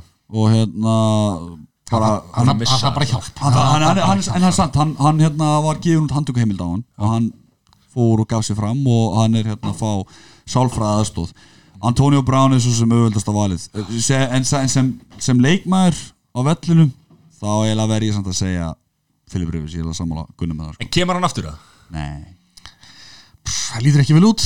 Ómöðult að segja til um það svo sem sko en, en ef hann að kannski að skrúa hausinu á sig svona halva leið þá kannski, þá kannski kemur hann út Þetta er svona svipa dæmi eins og með hérna, nei ekki svipa dæmi en eh, aðeins annað það kom hérna heimildamind á, á Netflix hérna með hérna Aaron Hernandez. á, þú veist, ég ætla ekki að segja þetta svo- sama dæmi sko, en, en það er, þú veist, menn bara eru alveg gjössanlega já, það getur vel verið að það sé eitthvað svoleiðis í gangi á Antonio Brown sko, það kallast CTE Já. eitthvað, ég Það maður er- hann- lýsingin á því ennsku sko, en, en það getur vel verið að hann sé með einhvern heilaskaða sko, en þess að það var líka eitt, það var eitt ansið þungt högg sem að fjekk hérna frá Vontis Perfect um árið. 2014 það var rosalegt högg sko. Hann bara bústalega rótaðist sko. Það er gróðast Ég í maðurinn í dildinni hann hefur verið sektaður oftar en nokkur annar og það er hægt að sjá tölfræði við það sem er þetta mjög gaman að kíkja yfir sko. Hann er bara bara miljónir dólarar sko. En það getur vel verið að sé eitthvað svolítið skóki Þa, það, það er eiginlega, ég get nokkuð en kenning. þeirra að það hefur, talað um að það hefur verið persónleika breytinga á hann með tímanu eftir þetta högg Já. Að einmitt CTE, það sem, að, sem er basically eftir ómikið heilrýsning þá byrjar svona hlutur í heilun og deyja bara Svo bólnar eitthvað- bólnar út úr henni og mælið með að fólki horfa á hérna þessa þess að heimildamind heimildamind sko. sko. Já, og um, um líka þessi höfuðögg eins og hérna concussion. Concussion með Will Smith, það er mjög góð það er eiginlega fyrsta myndi sem ég sá um þetta, svo sá ég þetta með Aaron Hernandez. Samt þetta með Aaron Hernandez og ég mun ábyggla að fá Pats samfélagi mitt á, á mig fyrir að halda þessu fram. Ég vil nú meina það að Pats hafi ábyggla að vita eitthvað af þessu. Já. Það, það er eins og það er náttúrulega hef og hefði. maður treystir bara Patriots ekki ekki, tommu sko. En, nei líka skilju og nú ég er ekkert að spoila skilju en þegar fyrst sem ég gerist eftir að löggan gefur handtökuheimild á hann og segir hann sé líklegast til þess að verða handtekinn fyrir þetta það fyrst sem hann gerir er að keira á Foxboro sem er heimaðallur Petrus og hitta Robert Kraft, eiganda Petrus, hvað fór þeirra á milli? Það er spurning en hann er ekki köttaði strax skilju þannig að mér langar svolítið að vita og svo eftir það fyrir heimti svona handtekinn síður um daginn og leittur út í, í, hérna, í handjátum en fyrir það sem, já, En, þetta minnir mig á að því að segja sko, NFL-deilin hleypir alltaf mönnum aftur inn sko. uh, sé bon, hérna, Jones. Já. hann hefur nú fengið endalösa sjensa sko. Jú, jú, þetta er svo sem hann er bara ef þú ert stjarnar í deildinni á færðu aðeins lengra reypi heldur en aðrir, Já, það er bara já, þannig. Ef þú skapa peninga Já. þá, þá ekkert flókið sko. basically að þá Stjóri sem skeita á sig Freddy Kitchens. Já, Freddy Kitchens um, Svo- Ég er að hugsa veist, hverju var var Cleveland Browns og hlustin sem að bundi voni við sko. Ég stekka alltaf fyrst sem ég hugsa sko. Freddy Kitchens, Jason Garrett og Cowboys samt svona pínu easy choice. Um, Sean McVay. Sean McVay hugsaðan er þetta líka sko, þegar þeir eru með mjög gott lið sko, en þeir bara einhvern veginn komist ekki í gang á tíðanbylun helst þessi þrýr Sérsveitar skita á sig Djúvilega þetta gott. Þetta skita Það er það alveg afdrifaristu mistök tíðanbylun Sko ég hugsa alveg bara í fyrir nokkur mann þegar Ty Montgomery hjá Green Bay Packers hérna, og hvað hlaupa út með boltana eftir að hann átt að taka hnið fyrir hennu leik sem voru svo allan að Packers töpuðu. Manstu þenn leik? mm, óljóst. Já, Ty Montgomery hefur spark boltana og, sparka, ég manni hvað, hvað liða var að spila múti þannig að boltana sparka til þeirra þeir grípa hann og hafa planið var að taka hnið og að Rodgers að fá boltan til þetta bara að geta, klukkuna. Þeir voru yfir. Þessi meistar ákveður að hlaupa um boltan hann er tæklaðar að missi boltan frá sér. Hitlið, fæ boltan, skorur og vinnuleikin Veistla þetta er þetta mjög mikilvægt líka. Þetta, þetta, þetta segir svolítið mikið til um, það, um, um hvað þetta er ógæslega hérna, fjölþætt íþrótt og hvað er margt sem að kemur inn í og spilar spilar rullu í leiknum er að þú veist, það eru akkur þessi þrý hlutir sérsveitin, vörðin, sóknin það eru 55 menn á rostetnum öll mistökur eru ótrúlega afdreifarík þú verður eiginlega að vera góður á öllum þrejum svona fösum leiksins til þess að, til þess að ná í súból og, og þú veist, þetta er já, og allt liði kringum þetta þarf að kunna að lesa leikin og gera þetta á þessum tímabundi og ekki gera þetta. það er eitthvað, þú veist ekki hvað eru margir þjálfara sem koma að einu leik líka, þú veist, það eru bara svona 15 manns eða eitthvað, En við erum búin að vera að tala um að það eru svo margir litríkir karakterar. Algjörlega. Sem eru sko utan vallar en það, hvað- þú veist, þegar einhver hægt að koma um daginn og opnaði hurðina og peningandi kom út nefn var að skýtla alls konar svona dæmi í gangi sko. en svo farin af öllin og þetta er flókið og, er, og bara og standa sér þar. Og þeir eru allir með sko, e, veist, búinir að fá heilarhristing og tvisar og þrísar sko. er þetta svo smurðu vél já, Natural talent Er er meina. útskýra þetta? Ég- Ég held að natural sé bara, bara svona nat- þú bara, Ég er bara gerð þetta eru bara vöða minni í Nei, bara þeir eru bara að gera þetta frá að þið voru krakkar sko. Já, þetta er líka bara, byggður í það þú, hérna, þú kannt eða ekkert annað ég held að segja það. og bæða við með það svona nefnum Jalen Ramsey leikmaður Rams í dag þegar hann var hann Jacksonville hann mætti hann á peningabíl á fyrstu æfinguna hvernig er peningabíl bókslega peningabíl að það vildi bara fá borga. Hvernig er peningabíl? Lítu bara bílinn sem er út á plani hérna hjá þér sem kost á, ok. Hann mætti hann mætti hann á bíl sem var bara basically bara hérna, brinnvarinn peningabíl og já, gæðin það er svona bankabíl já svona- bankabíl til þess að flytja peninga. Brinnvarinn bara kamer um peningabíl Nei, ég, sa- ég, ég, ég, ég sagði bara hérna Floyd Mayweather búin að hérna, þú veist, Teipa setja undir- já, bara- teipa bara- seðlan á bílinu peningabíl Það er tölum um besta liði í deildinni Vikings, hvað er hérna? Já, Veitu hvað, já, veitu hvað? Ég ætti vera að fara í, í hérna, bestu bestu liðin. Já, tökum það eftir. Vikings, hvað er hérna? Nei, Kom mér á óvart eða voru þeir nei, ég get ekki sagt þetta. Ég þóla Með hvað? ekki, ég þóla ekki Vikings. Æ, ok, og bara þetta einu manni. Hverju? Kirk Cousins. Ég bara get ekki, þetta er bara Ok. svo annað dæmi, hann fantasy. er þetta geggjaðu quarterback sko. Þú veist, a- a- höndin á honum sko. já. höndin á honum er geggju, hann er mjög nákvæmur og hann er með, hann er með stóra hönd þegar þú veist, kalla stóra, hann getur kastað langt. En það sem að hefur svolítið verið ángrann hann er ömurlegur undir pressu og hann, og svona- heimskular ákvarðin Hann var að taka, að koma aðeins tilbaka núna. Já, já, hann var, hann var, hann var og einn hann leik. Var og ágættur Já. voru nú bara einu leik frá því að komast í, í play-offs eða ekki, var það ekki hérna, gegn bara Green Bay? Þurftu þeir ekki að vinna þann leik og í- fóru í play-offs, fóru í valkarti Já, já, Töpuðu. við fórum alveg. Hvað er, já, þeir töpa mútið San Francisco. Já, sjálfsög Svo var heppni. unnu seint og ef, að- San Francisco hefði ekki unnið þá varum við þarna sko. Biggi brjálaðar að því að hafa búin að spáða um sko, ekki svona langt sko. Hann er bara ósáttur já, líka það, sko, ok, ok, svo ég útskýru núna þess, ok, það Þið er hérna í tíu jörðunum Vikings er með gott lið. Já, með Dalvin ég, Cook. ég, ég veit, sko, Dalvin Cook er geggjaður, Kirk Cousins er geggjaður. Varnarlegin er góð í Daniel Hunter, Daniel Hunter og hérna og hérna hinum Íslandsvinnunum hérna stóra í miðunni sem ég man ekki nákvæmlega heitir. Þér? Harrison Smith. Besta liðið deildinni. Ekki snúið, sko. Ekki besta Stakkur, lið, veistu akkur róum okkur. Stakkur, sorry sokar, ég er ekkert að leiða Þátturinn okkar, slökkt á honum, slökkt á honum. Þið kent Val Gunnarsson þetta sem er mér, hann sagði mér frá þessu. Veistu hvað, eitt af afrekum Minnesota Vikings á blaðir Já. Það Ég þeir að- viðbeinsbrutu Aaron Rodgers. Ó, ok, ég held þú ætlar að fara að segja þeir séu 0 og 4 í súból Uh, ég, nei. ég held að þetta ætti að vera svona kaltæni Sorry, sorry Matti. Það, það er eitt ástæðan það er bara partur af bara greatest moments in Minnesota. Það Nei, Minnesota Miracle, er þetta grínast eða? Já, það er líka En það, stendur hjá þeim sko. Það stendur, í Minnesota. Já, með, það er bara eitt gæði sem er fullur af F-síðinu Hvað ætlið að lesa það bara? En þessi tíu hjarta, hver, er spáðað því í Súból? Uh, Ekki Vikings allavega Og ekki heldur hinnu tveimur þannig sem að koma í Nei, hvor er við spáðum Rosa sérfræng En þetta er búið að vera mjög áhugaður playoffs Já, rosa sérfræng Ok, má ég svo klára með. Kirk Cousins? Og að vera að tala um Jimmy Garoppolo ekki skilja að fá hann pening sem hann fá greittan, skilju?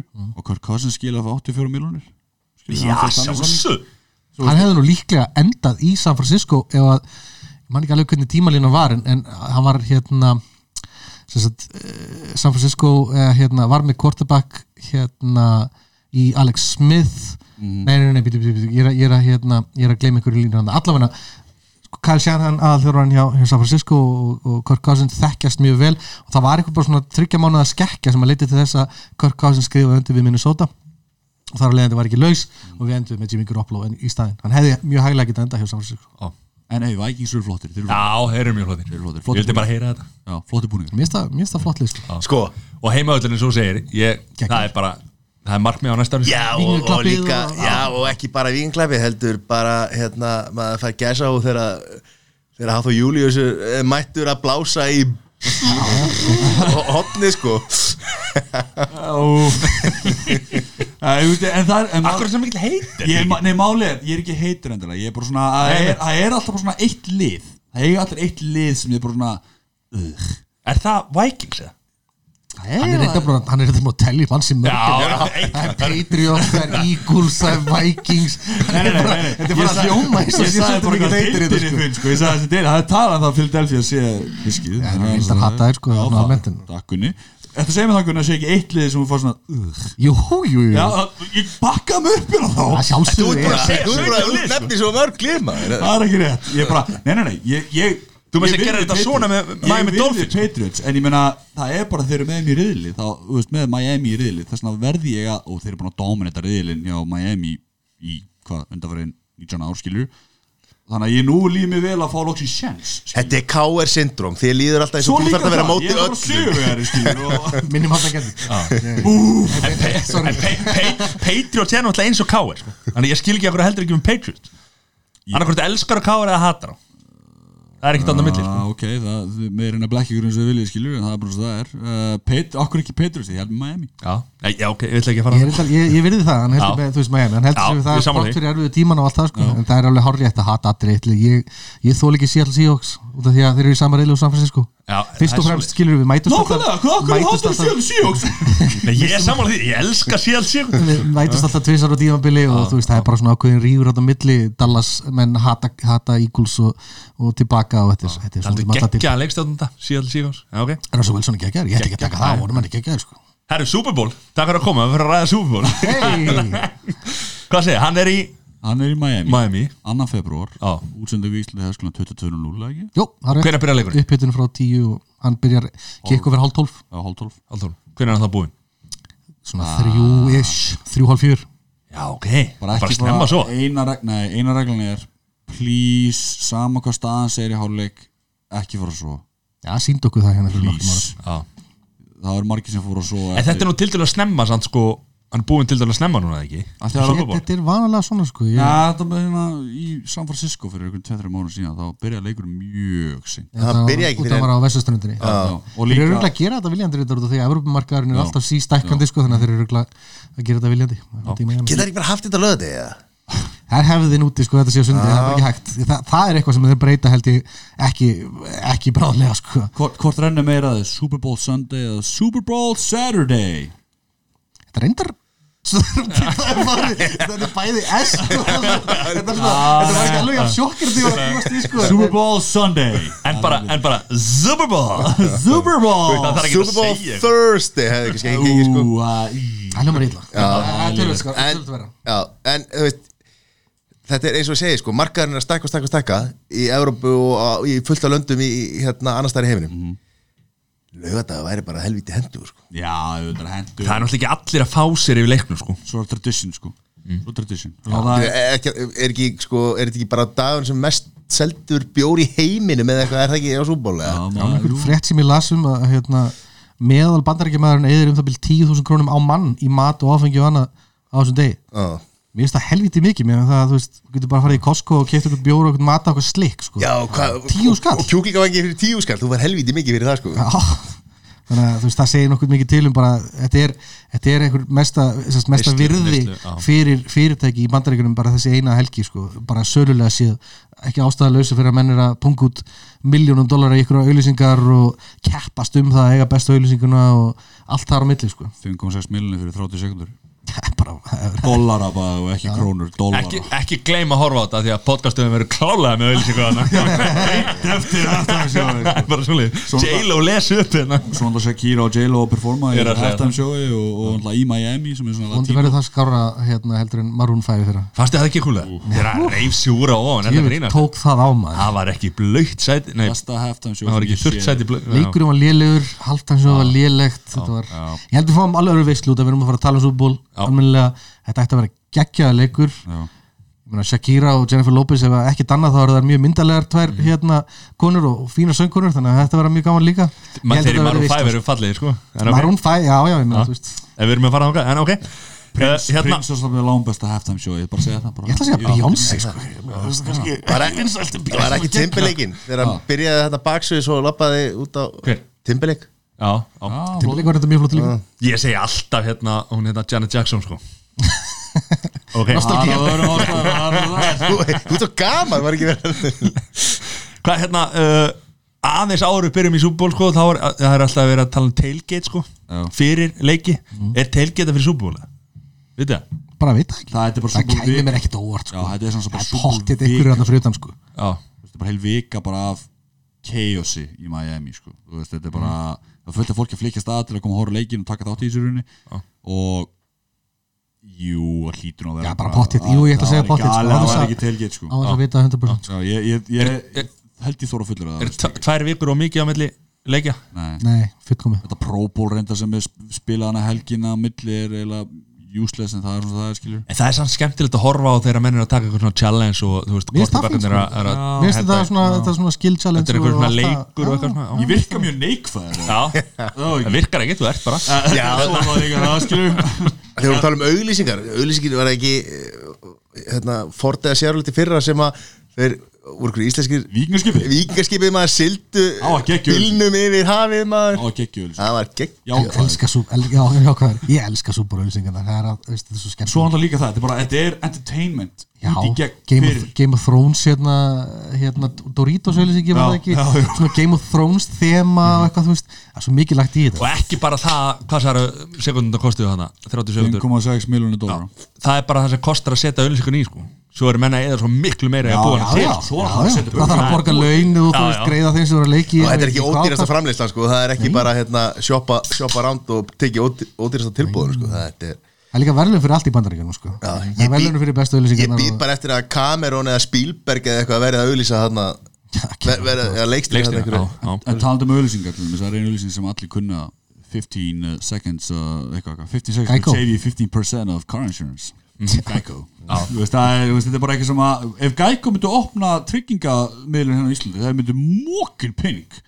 100% Sjáum það Geico. Eðlur eru samt ekki leður á Íslandi sko. Ok, hérna, hvernig fyrir leikurinn? hvernig fyrir leikurinn? Já. Ég er búin að spurra þessu held í 15 sinni ok, sorry, við skulum bara sleppa þessar spurningu. Ekki aftur. Nei, eh, nú, ef út í að færi Við erum sko að fara að fá tvö Þetta er drauma matchup Ok. Fyrir er í rauninni hvaða NFL á matchup Þú ert að fá tvö Þú ert að fá í rauninni sko Patrick Mahomes sem er í rauninni bara galdramæður Þú ert að fá uh, Andri Reed sem er svo bara sóknar hugur með mögulega bestu sókn deildarana fyrir kannski hlaupaleik kannski.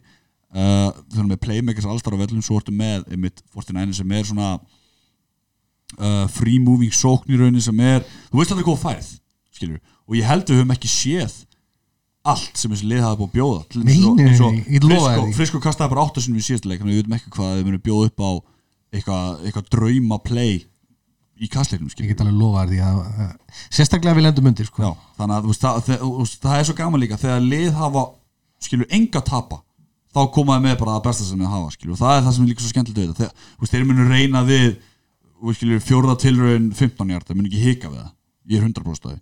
Þannig að, við fara að fá bullandi sóknabólta, við erum fá frábæra varnir á sama tíma, skilur, sem er að fara, sem er að, fara að vera með play, svona á sama tíma vera sóknin bara, sem að verður uh, hvað segja, með yfirhundina þannig að en er ekki alltaf mikið pressa? Þegar er svona stór leikur þá, þú veist, nú eru þeir að segja hvernig, hvernig liðin eru búin að spila í alla vetur og, og hvernig þetta ætti að verða. Svo kemur bara Super Bowl og það er bara pressa og menn sjóka Það voru menn, já, menn tilbaka, þú er ekki að taka sjensa þetta er og, og stórt að taka sjensa þetta er það er að sjálfsögum gríðarlega pressa á, á hérna á báðum liðum. Um, það er tvent í þessu hvað það var þar sko, ég held að sé meiri pressa á Patrick Mahomes. Já. það er búið að vera að tala hann upp ótrúlega mikið síðustu vikuna, síðustu, bara frá því að hann vann hérna uh, af sé Championship leikin búið að tala hann upp alveg rosalega. Menn eru að kalla hann Michael Jordan hérna NFL-deildræn um, ég held að pressan sé á honum ég held að pressan sé ekki á Jimmy Garoppolo við tölum um leikstöðununa um, kannski að setja að vera að byrja svolítið hægt þannig að ef það heldur áfram þá gæti sko Francisco komist yfir snemma og það er akkurat sem að, að San Francisco vill út að við viljum hlaup með bolta, við viljum stjórna klukkunni, við viljum halda boltanum bara gefur auga leið úr höndunum á Patrick Mahomes þannig að ef að það þróast þannig þá gæti þetta enda vel fyrir mína menn. En ég held að þetta verði, eins og ég er búin að segja þetta ég held að þetta verði ótrúlega skemmtilegu leikur. Þetta eru tvær, tvö frábæri lið tvær góðar sóknir, mjög góðar sóknir uh, sem eru mjög misjafnar, tvær mjög góðar varnir sérstaklega á setni partíumbilsins hérna Kansas City. Um, ég held að verði tölvöld skorað. Þetta, þetta endar bara svona, mm, svona 35, 31 eða eitthvað líka. Ég held að verði nóskorað í þessum leik. Ég held að verði flugveldar, ég held að verði almennilega tæklingar þetta verður algjör veistla ég, en ég ætla, ég ætla að tippa á mínum en vinna og þú spyrir hver vinnur. Já. ég verða að segja San Francisco þá 35-31 ok, Já, ég sagði San Francisco í tíu örð þetta sem við tókum þetta fyrir sagði San Francisco. Það er ekki að tryggja með þess að Chiefs ég er það. Nei, ég segi San Francisco. Ég, nei, ég, sammála. ég held nefnilega líka að mitt þú segir að búið að blása mikið uppskilur og ég held ekki meina að fólk sem byrja að líta fram hjá því að að San Francisco 49ers voru dominant allt sísonið í rauninni, í sínum leikjum. Já, nema fyrir kannski 1-1 shootout skilur og, og, og fyrir vikið Chiefs hafa verið að hyggsta skilur, þeir eru verið lengi á stað. Og í rauninni þau voru, hvað, hvað voru mikið undir móti, hérna voru ekki 20 24-0 24-0 á móti Texans. Svo komið tilbaka í rauninni bara Patrick Mahomes er bara þannig leikmaður á heimavelli. Núna eru ekki heimavelli? Nei, þeir eru reynda faktis hjá heimahalli en ekki, ekki bókstala samt ekki sko. samt ekki, eh, ég held að ef eitthvað er þá getur verið að þessi fleiri í San Francisco hérna, þú veist, aðdæðandur á vellinum heldur en, heldur en Chiefsman sko en en er ekki fólk búið að kaupa sér miða á Super Bowl lungu, þú veist ekki hver jú, Einhverju allavega heldur, eða þú veist, það er ekki slatti en eiga liðin einhver liðin fá að miða sko. þeir fá að miða þeir sko. verða að gera það sko. svo kosta miðarnir þú veist ykkur að hundru þúsunda hérna til þess að kaupa þeirinn setna mér en það í enda dagsins þá snýst þetta náttúrulega bara þú veist, amerísku fótbolti snýst rosalega mikið um það hvort liðið gerir færri mistök sérstaklega í stórum leikjum. Þannig að þú veist ef að, ef að Jimmy Garoppolo er, þarf að kasta boltanum ef við lendum undir. Og þarf að kasta boltanum og kasta hann frá sér og Patrick Mahomes fær auka sóknir þá er þetta langur dagur. Um, ef að menn er að gera mistök í sérsveitinni skilur við ykkur sparki, missa boltan frá sér þá er það risastort, í enda dagsins skiptir þetta bara um að gera sem minnst mistök. San Francisco þarf að stjórna klukkunni vel. Uh, kannski sitt í þarf að setja upp eitthvað svona, eitthvað hlaupaleik að einhverju leiti örgulega það sem við hefum eftir að sjá mjög snemma í leiknum er það að Kansas City ég, ég ímynda mér að Andy Reid sé að fara að apa svolítið eftir hérna að apa svolítið eftir hérna bæði Russell Wilson og Aaron Rodgers. Packers gekk opbáslega vel gegn San Francisco snemma í fyrsta leiknum skoruðu snertimarki fyrstu sókninu sinni með því að vera að senda hann út úr vasanum endalust bara svona svo kvöldu bútleg það sem hann fer ekki svona aftur hann bara hleypur svona tilbaka hleypur tilbaka og út til hliðana ég held að við þess að mikið að því. Og svo bara spurning eins og ég segi, hvað gerir færri mistök? Getur mm. samfélagssku vörðin sett press á Patrick Mahomes sjálfsögðu mikið eh, stort, stort mál. Svona alltaf bara er Patrick Mahomes svona svo kallar playmaker. Hann gerir allt úr engu en er hún mikið pressa á hún svo er það, ég En- en- veitum ekki en ræður hann við er veit að segja hvernig hann bregst við sko, En- en ég held að sé mikil press á honum. Eins og, eins og í fyrra, ég meina það var mestu pressan þegar fór, og, fór hérna, til New England og spilaði móti hérna, Patriots, hann reynda fekk ekki tækifæri til að vinna leikina því að Já, hann fór í, í framleikingu og, og þá er því miður framleikingin í NFL þannig að annar leiði það boltana þegar skorur törstan þá er leikunum búinn. Um, auðvitað er öll pressan á Patrick Mahomes eins og, eins og Gunni búinn að segja og að hæpan ég, ég hef bara séð í rauninni það að tala um það að Chiefs séu með yfirhendra meira og minna. Þess einmitt vi- segi ég 49ers sem finnst fólk vera svona snúsæri og, og eins og ég bara býst við bara svo miklu fá Kyle Shanahan maður hefur séð svo mikið frá honum að, að, að þetta er eitthvað meira lás og hann er bæði Andy, by the way, and by the way Andy Reid og Kyle Shanahan töpuð báða fyrir Bill Belichick á sínum tíma. Báðir West Coast svona hérna sóknamennsku og Út í þannig það að þeir vilja báðir náttúrulega það er bara spurning hvorinu vinnur núna í þetta skipti skilur og ég, ég held að ég held að Andy Reid þurfa að byggja lengur. Þetta er líka klassíska matchupið af gríðalega sterkum sóknarleik gegn einna bestu vördum deildarinnar. Að einhverjum ástæðum verðist einhvern veginn teflast mjög oft þannig upp sko. mér er hugsað til hérna Devin Broncos og, og Seattle Seahawks 2013 eða eitthvað líka. já. 2013-14 að, þá var Seattle Seahawks með langbestu vörðin í deildinni Legion of Boom kallar, Richard Sherman þar á meðal sko. Og uh, Devin Broncos voru bara að negla 40 stöðum á alla í deildinni. Og Seattle gjör svona lokað á þá. Og svona heilt yfir ef við lítum til sögunar þá er varnaliði vanalega það lið sem kemur ofan á í þessum stóru leikjum. Varnir vinna titla. Já, þú veist sem þeir segja það. Só, Sókn vinur leiki og varnir vinna til það já, þetta er svona þetta klassíska þetta er svona klassíska orða tiltæki svo líka Nick Bosa er uh, mikil Trumpari hann er mikil talað um það Þannig, og hann, hann vil Olmur komast til vinna síns í kvítahúsinu en svo kemur það að Andy Reid vil komast í hlaðborið hjá Trump. Þannig að það spurning Hvað djöfessis fordama voru þetta? en, Það grínast vil, vil ég heyra aðra Já. Að uh, undanferðin hvað fjögur, fimm skipti sem að kona hefur performað í halftime show þá hefur uh, Ameríkudildalið unnið. Það er Chiefs. Í ár í dag er Shakira og J-Lo að Hefur ekkert að gera? Það? Er svo kemur önnur kenning að það eru tvær konur að performa nullaði hvoraður út svona, uh, 49. Þetta er svona, ef þú hugsar nógu lengi, sko, þá getur alltaf fundið kenningu um eitthvað, sko. Já, ég- ég- Þú getur alltaf fundið flöta á einhverju, sko. Ég elskar kenningar Þannig, En ég segi samt 49ers Ég held að 49ers vinni. Ég, eins og ég varnir uh, vinna titla. Ég trú á karma og ég held að Andy Reid vinni þetta Eða það? Já. Hann er bara búin að vera allt og lengi í deildinni. Þetta er annar súbúlunar já, Svona spilar. Hann á þetta mjög skilið hann er mjög virtur, þetta virkar eins og bara algjör bánsi þú veist, bara frábær kall og bara upp á alla, á alla vegu sko. uh, og það eru margir sem að vilja sjá hann, sjá hann vinna. Ég segi 24-30 Þetta er 49ers Ok. Hvað, hérna, hvaða leikmenni á maður að fylgjast mest með í hérna? Númer 15 Patrick þeir eru svo, þeir eru svo margir. Já. Þeir eru samt þeir eru Tökum samt bara sóknina í, í sikuru liðinu. Hvað, hérna, hvað erum við að tala um? Ok, vilt þú segja einn og svo segja einn og svo bara kolli kolli? Sem bara kolla kolli. Ok, Eh, okay, hvað leiðum við að byrja? Að byrja henni ég skal bara byrja ég skal bara byrja megin ég meina við erum að einblýna sóknarleikin við erum að fara að telja pelti bara alla fyrir utan hérna, fyrir utan hérna Williams í í, hérna hlaupaleiknum. Segjum bara Tyreek Hill til þess að byrja með.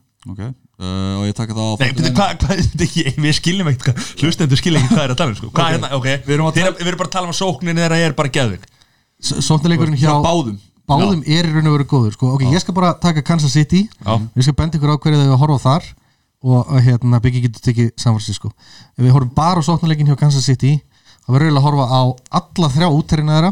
Tyreek Hill, Sammy Watkins og Nicole Hartman sem eru allir ótrúlega hraðir Það eru gæðin sem hlaupa og, og grípa. Útterjarnir sem eru svona að stilla sér upp svona ist á vellinum og eru að, þeirra hlutverk er að grípa boltan um, fyrst og fremst Tyreek Hill sem er nummið 10 lítill, lítill naggur kallaði Cheetah fárónlega snöggur. Hann baði að við vill fara í olimpíuli eftir og sísonu tala um það vill Hann leikur það rátt. reyna að komast á olimpíuleikana eitthvað eh, hérna reyna fyrir sér í, í bandaríkjaliðinu þar.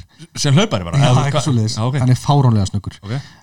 Travis Kelsey, hann er innherji hann er svona vanlega að stilla sér upp svona uh, stutt frá sóknarlinnu, hann er nummer 87 87 og uh, hann er einn af tveimur bestu er end. dildarinnar, já, Tight tight end end. Biggie mun segja ykkur frá hinum eftir smá uh, Travis Kelsey, hann var notabenni á tíðanbíl hann var með hvað, 1200 og maður sjá 1229 hjarta og 5 snertimur 5 snertimur er ekki svo mikið en 1229 hjarta er virkilega vel gert fyrir, fyrir tight end.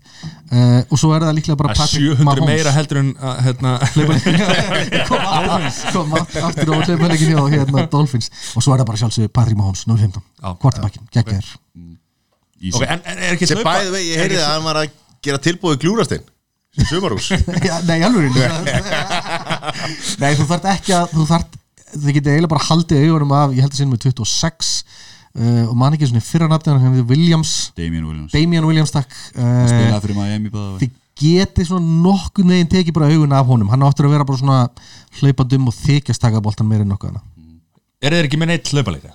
nánast bara, ekki sko. Já, ok. Eiginlega ekki. Við vorum með fína hlaupalik fyrir á tímabilið Sean McCoy kom inn í liði, hann er svona reynslu bolti var hjá Eagles lengi vel og byrjaði ágætlega svo lent hann í meðslum og, hérna. Ég er nokkuð sem að sé ekki klár, ég held ekki. Þeir segja, And- Andrew Reed sagði að það var engin meittur í, fyrir vikunni. En jú veist, svo náttúrulega hvað því það eru ef alveg Sean McCoy kemur inn þá kannski? Já, kannski sko, þú veist að það er mikið að ganga upp í rauninni. Ok, en sóknin hjá 49ers, Já, 85, George Kittle. Það er tight endin, þeim er litriku karakter, útrúlega fyndin karakter.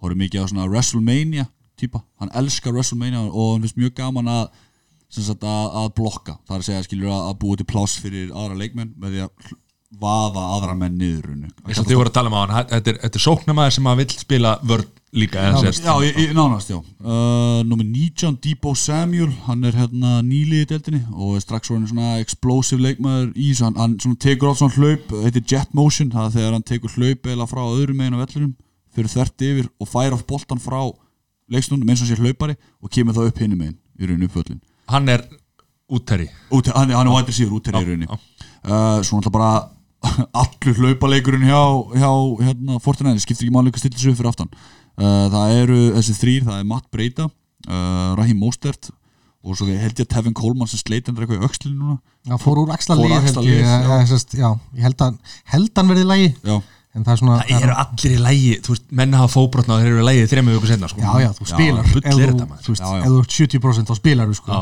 og Er þið þá í tjaldinu sem Becka var þetta eins og nýði fyrir hérna já, Stórmór? þetta bl bláðataldið og síðasti Kyle Juszczyk kannski? Já, það er gott mjög skemmtilega leika það er hérna, hann spila fullback. Það er ekki svona running back ekki gæðin sem fær hendla boltan það er gæðin sem blokka fyrir framan á en hann náða til að koma með svona oftast þegar að ofta þegar San Francisco er með svona svona smá svona brellu spil eins og maður segir. Smá svona ennsku sletta, nýtjum sletta segi þá er hann oftast leikmann sem leitað á skilur, það kemur, maður býst ekkert við það og allt í hann kom með boltan og gerir eitthvað stort skilur Þarna tekur ekki fram leikstjóndandan hjá San Francisco. Er hann ekki Jimmy Garoppolo. Hann bara eflust ekki eftir að mæða neitt rosalega mikið á honum. Hann er áttur að kasta meira eftir en ekki í síðasta leik Hann er bara mótel hann er, hann er fyrst og fremst bara stýtta hann fyrir Hann er þetta upp á lúki. Hann er, hann er mjög segur ég, veist, ég hef fullt raust á honum sko, en, en hérna, hann er að fara að kasta fleiri boltamöður en átta eins og hann gerir í síðasta leik. Þið geta alveg reykt ykkur á það en ekki nema hlutinni fari mjög illa og San Francisco lendi undir þú veist, allavega svona tíu stíðum uh, þá munið þið sjá hann kannski kasta meira og þá mun mæða honum hérna, meira. En aftur þá, kannski eins og Biggi kom inn á að þá verður mjög frólitt að sjá hvað Kyle Shanahan kokkar upp úr kerfisbókinni sinni sko, þannig að það er ekkert víst um að það verði og heila bara mjög ólíklegt að það verði eitthvað svona uh, basic sending það á eftir að vera eitthvað svona, eitthvað svona skraut í kringu það og þú myndi ekki taka eftir strax hvað boltin er skilur. þetta er, þetta er alveg þannig dæmi sko. Er, er, er eitthvað líkur að því að þjálfarn hjá San Francisco seti leikinu upp öðru sig og byrja bara að henda fullu já, það getur vel verið Já. það, það, það er það sem er fallað við Kyle Shannon þú veist ekki hvað færð, það er að skemmtilega skilur, það, er- það er svona hans skím en eins og með, með skilur Chiefs, þeir treysta mikið á Patrick Mahomes og því Patrick Mahomes þarf að koma boltanum frá A til B það þeir hafa ekki hlaupaleik. Það er það sem munurinn er til dæmis á uh, Chiefs vs 49ers og þeir, þessi, til þess hefur hann góða útherja eins og Travis Kelce og, og Tyreek Hill sem er búin að nefna hérna.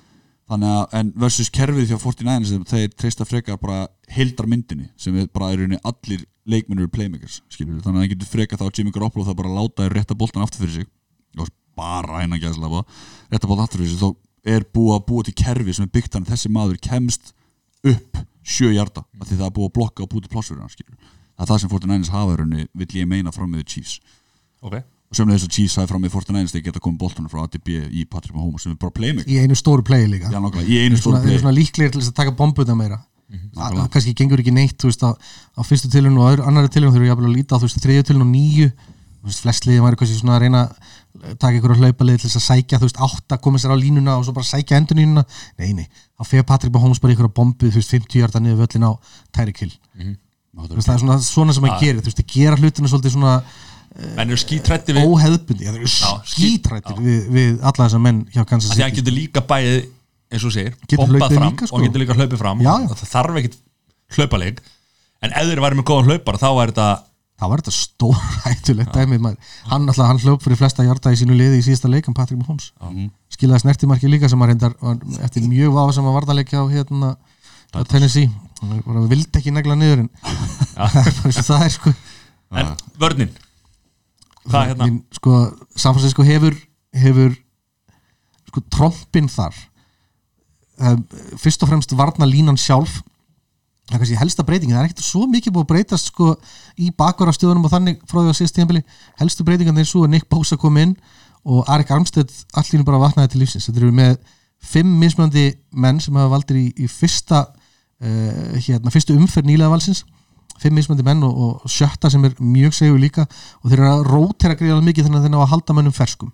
Það mun mæða mikið á þessum fjórum sem að þeir nota benið þeir senda bara fjóra í pressu vanlega 80% af tímanum sem er með því mesta, er ekki bara mesta í dildinni uh, hérna, sem vörn sem er vanalega ekki nót til þess að koma að pressa á, á hérna leikstöndan en hjá San Francisco hefur það verið raunin. Þannig að það mun vera gríðalega stort að sóknarlinni á Kansas City geti stöða þá og, og vice versa. Um, bakvarðarlega sé þá er þetta tiltölulega jamt sko fyrir mér. Bakvarðarstaðan hjá, hjá uh, Kansas City er tiltölulega sterk. Tyron Matthew sem er kallar Honey Badger er alveg verðt að fylgjast með honum. Mest prúfin leikmaður raun í þessu samt mest prúfin leikmaður í þessu tísli í rauninni sko, ef þú ber saman varnir þá er vörnur tísli alveg mun slakar raun heldur en nokkuð tíman 49ers já, jú, jú, svona heilt yfir. og, og þeir voru alveg að hyggsta fyrstu í fylgðu tímbils byrjuðu svona allt í lagi að svona byrja að tikka í rauninni síðan, síðan mér en ég myndi ekki segja, ég myndi ekki setja það í top 10 Nei. Dóttir sér komnir í, í play-offs en það er bara út af því að er, sóknir er besta vörnin við erum með nokkra góða, Frank Clark Já, 55 sem er hérna svona vartamæður sem er líklega til að setja press á leiksindan fylgjast með honum, veist, hann er svona líklegast til að koma pressunni ásamt Chris Jones sem er hérna líka vartanlínni en, en vartanlega sé þá að hafa San Francisco yfirhundina Það er maður þjónu með 32 Hann er svona í svona miðisvæðinu Hann er mjög, hann er mjög skemmtileg sem hann heitir. Hann, hann heitir S eitthvað. Hann, hann hjá Chiefs ég man ekki alveg hvað hann heitir. Ég að koma að staði Sw- Swinston eða eitthvað svo náttúrulega hérna hvað kallar þetta, bakvörðin bakverðinir, hjá hérna hjá San Francisco. Hann hérna sem var Sherman, hjá Richard Richard, Sherman, Richard. Sherman. Hann er alltaf geggja karakter sko. Hann er að karakter og hann er líka bara reynslubolti sko. og hérna það voru margar svona efasemdar rattir um það hvort það geti haldið þessu áfram eftir að hafa slitið hásinn og annað. Mm. sannlega sínt að hann, hann getur það sko. Ég, man, ég er ekki með tölfræna fyrir fram hvað var það, þú veist hversu margir boltar eru actually kastaðir í áttina honum en þeir eru ekki margir sko. Menn eru bara hætti við það skilur þeir eru hrætti við það sko. og það er nefnilega það sem að menn skilja stundum ekki sko að þegar að eru góði varnamenn þá eru menn ekkert að kasta í áttina þeim. Og þannig er náttúrulega búin að nulla það út sko. Já já, ná að loka jafnvel bara hann stillir sér vanlega alltaf upp einum einu vellinum sko. Hann er ekki mikið fyrir það að fara yfir á hina hliðina eins og svona, þessi bestu hafa vanlega gert sko.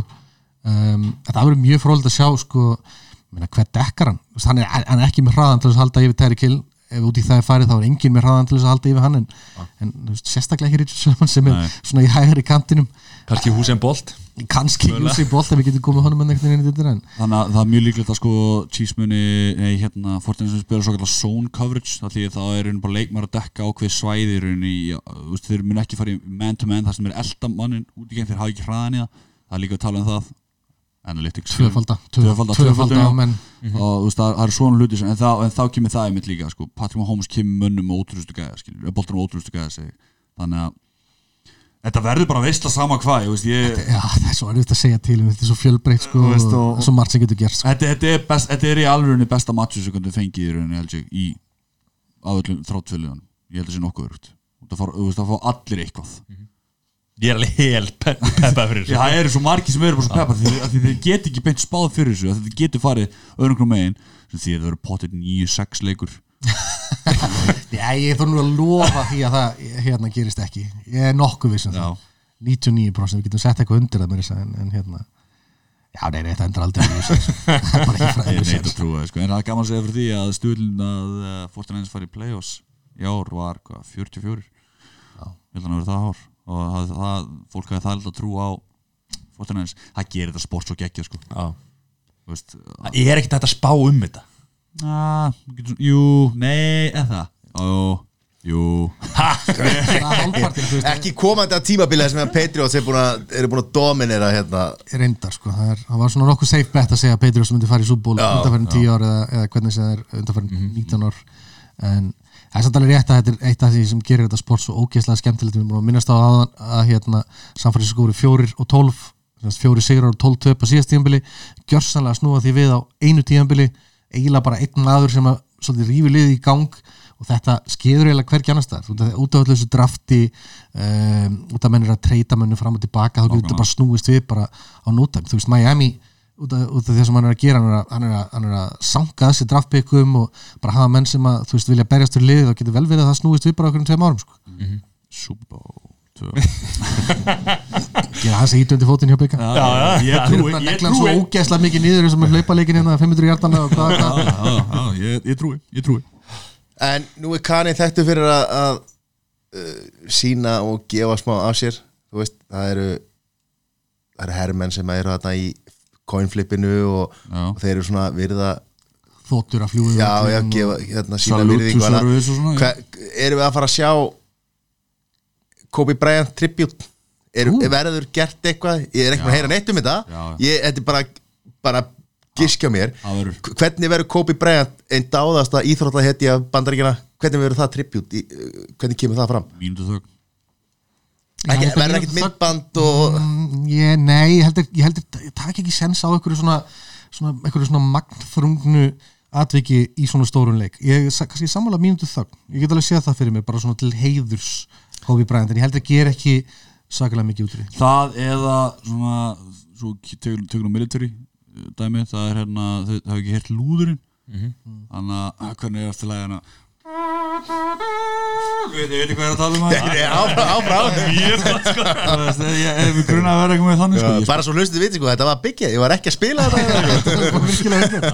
Mótorkjátturinn en uh, þeir gætu fara eitthvað þannig íkt skilju en fyrir mér, eins og það sem ég myndi vilja það er bara mínu þögn, já, það væri bara besta respektið þetta er stærsti stærsti íþjóðu viðbjörn bandrækjana hvernig væri betri leið en bara mínu þögn, bara til að votta þessum manni virðingu skilju og, og en svona bara hver kann oft overboard líka.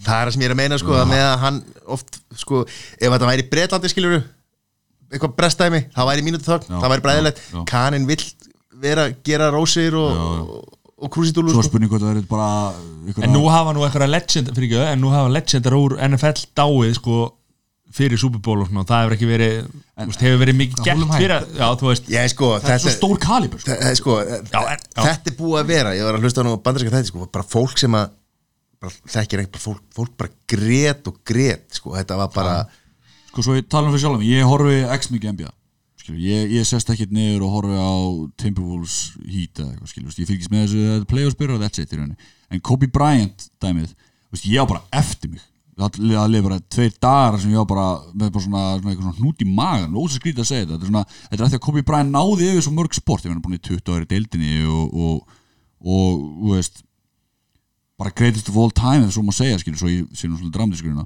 en þannig að ég veit, ég get ekki líst þessu, þetta er bara svona þetta næri yfir svo miklu meira. Það er sem ég er að segja, sko, þetta náði svo, þú veist, fólk var að tala um bara, ég vissi ekki mér leði svo skringilega og ég vissi ekki hvernig ég vissi ekki að mér myndi líða svona einhver maður sem ég þekki ekki myndi fara, 100%. en þetta bara kom einhvern veginn heldist yfir, ekki bara bandarsku þjóðuna bara heiminn allan, sko. Sýnir bara hversu vítaka áhrif hann hafi í raun og veru, þú veist, bara sem leikmaður og, og, og persónuleiki líka, sko. Það var svona sérstaklega setna mér gæðlega skemmtilegu persónuleiki og koma sér yfir í hérna kvikmyndagerð og við- virtist bara að vera helst eftir náingi, elskaði fjölskyldunum sína.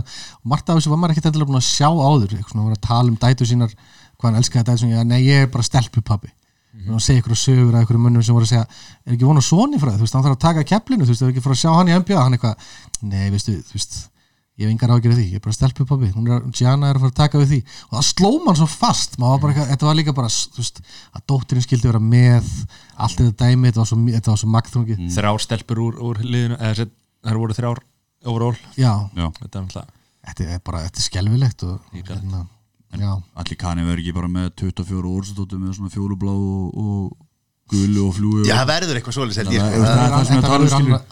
Þetta verður annarkvort annarkvort, verður þetta bara mjöndu þögn eða eitthvað bara extreme bara bandaríkin, skilji en þetta verður góða leikur samt. Við klálega tjónum minn fylgjast með og, því sjálfsög, og líka eins og hvert fólk kíkir kíla viljum fá alvöru pub quiz ég er ekki stöðu sportur upp á skjánum það? Jú, er sko. Þú verður þar. Já, þá verður þú. Ég vil hlusta Gunnar bara ú. Ú, er eitthvað sem þið vilji eitthvað að loka með það? Sjálf sér ekki. Bara, Ekki fara að sofa. Nei, nokkulega ekki fara að sofa. Við kveitum fólk að hérna bara fá sér frí í vinninu daginn eftir að fá að mæta á hátegi eða eitthvað og, og njóta þessi botn að fylgjast með alvöru fótballtaleik Já, bara ekki vera auðmikið og mætti fokkin vinnur okkur átta og hættir sem væli Eða það, skilur Minnum Svo að það að, að fólk á tvo veikindadaga í mánuði sko, það er fint að nota annan í þetta. Lítið lögfræðingurinn. Uh, Nota millimerkin uh, Millimerkin, hashtagin Já, millimerkin. NFL Ísland og 10 hjartanir Við erum fylgjast með öllu 10 hjartanir Við tökum þátt í öllum umræðum og saman hvort sé heimska eða skemmtileg Við bara okkur gaman að fá það. Og við erum líka með annað, hashtag hefðin. Ef fólk er með eitthvað súból hefð að hafa á borðinu og sé, bara hashtag hefðin.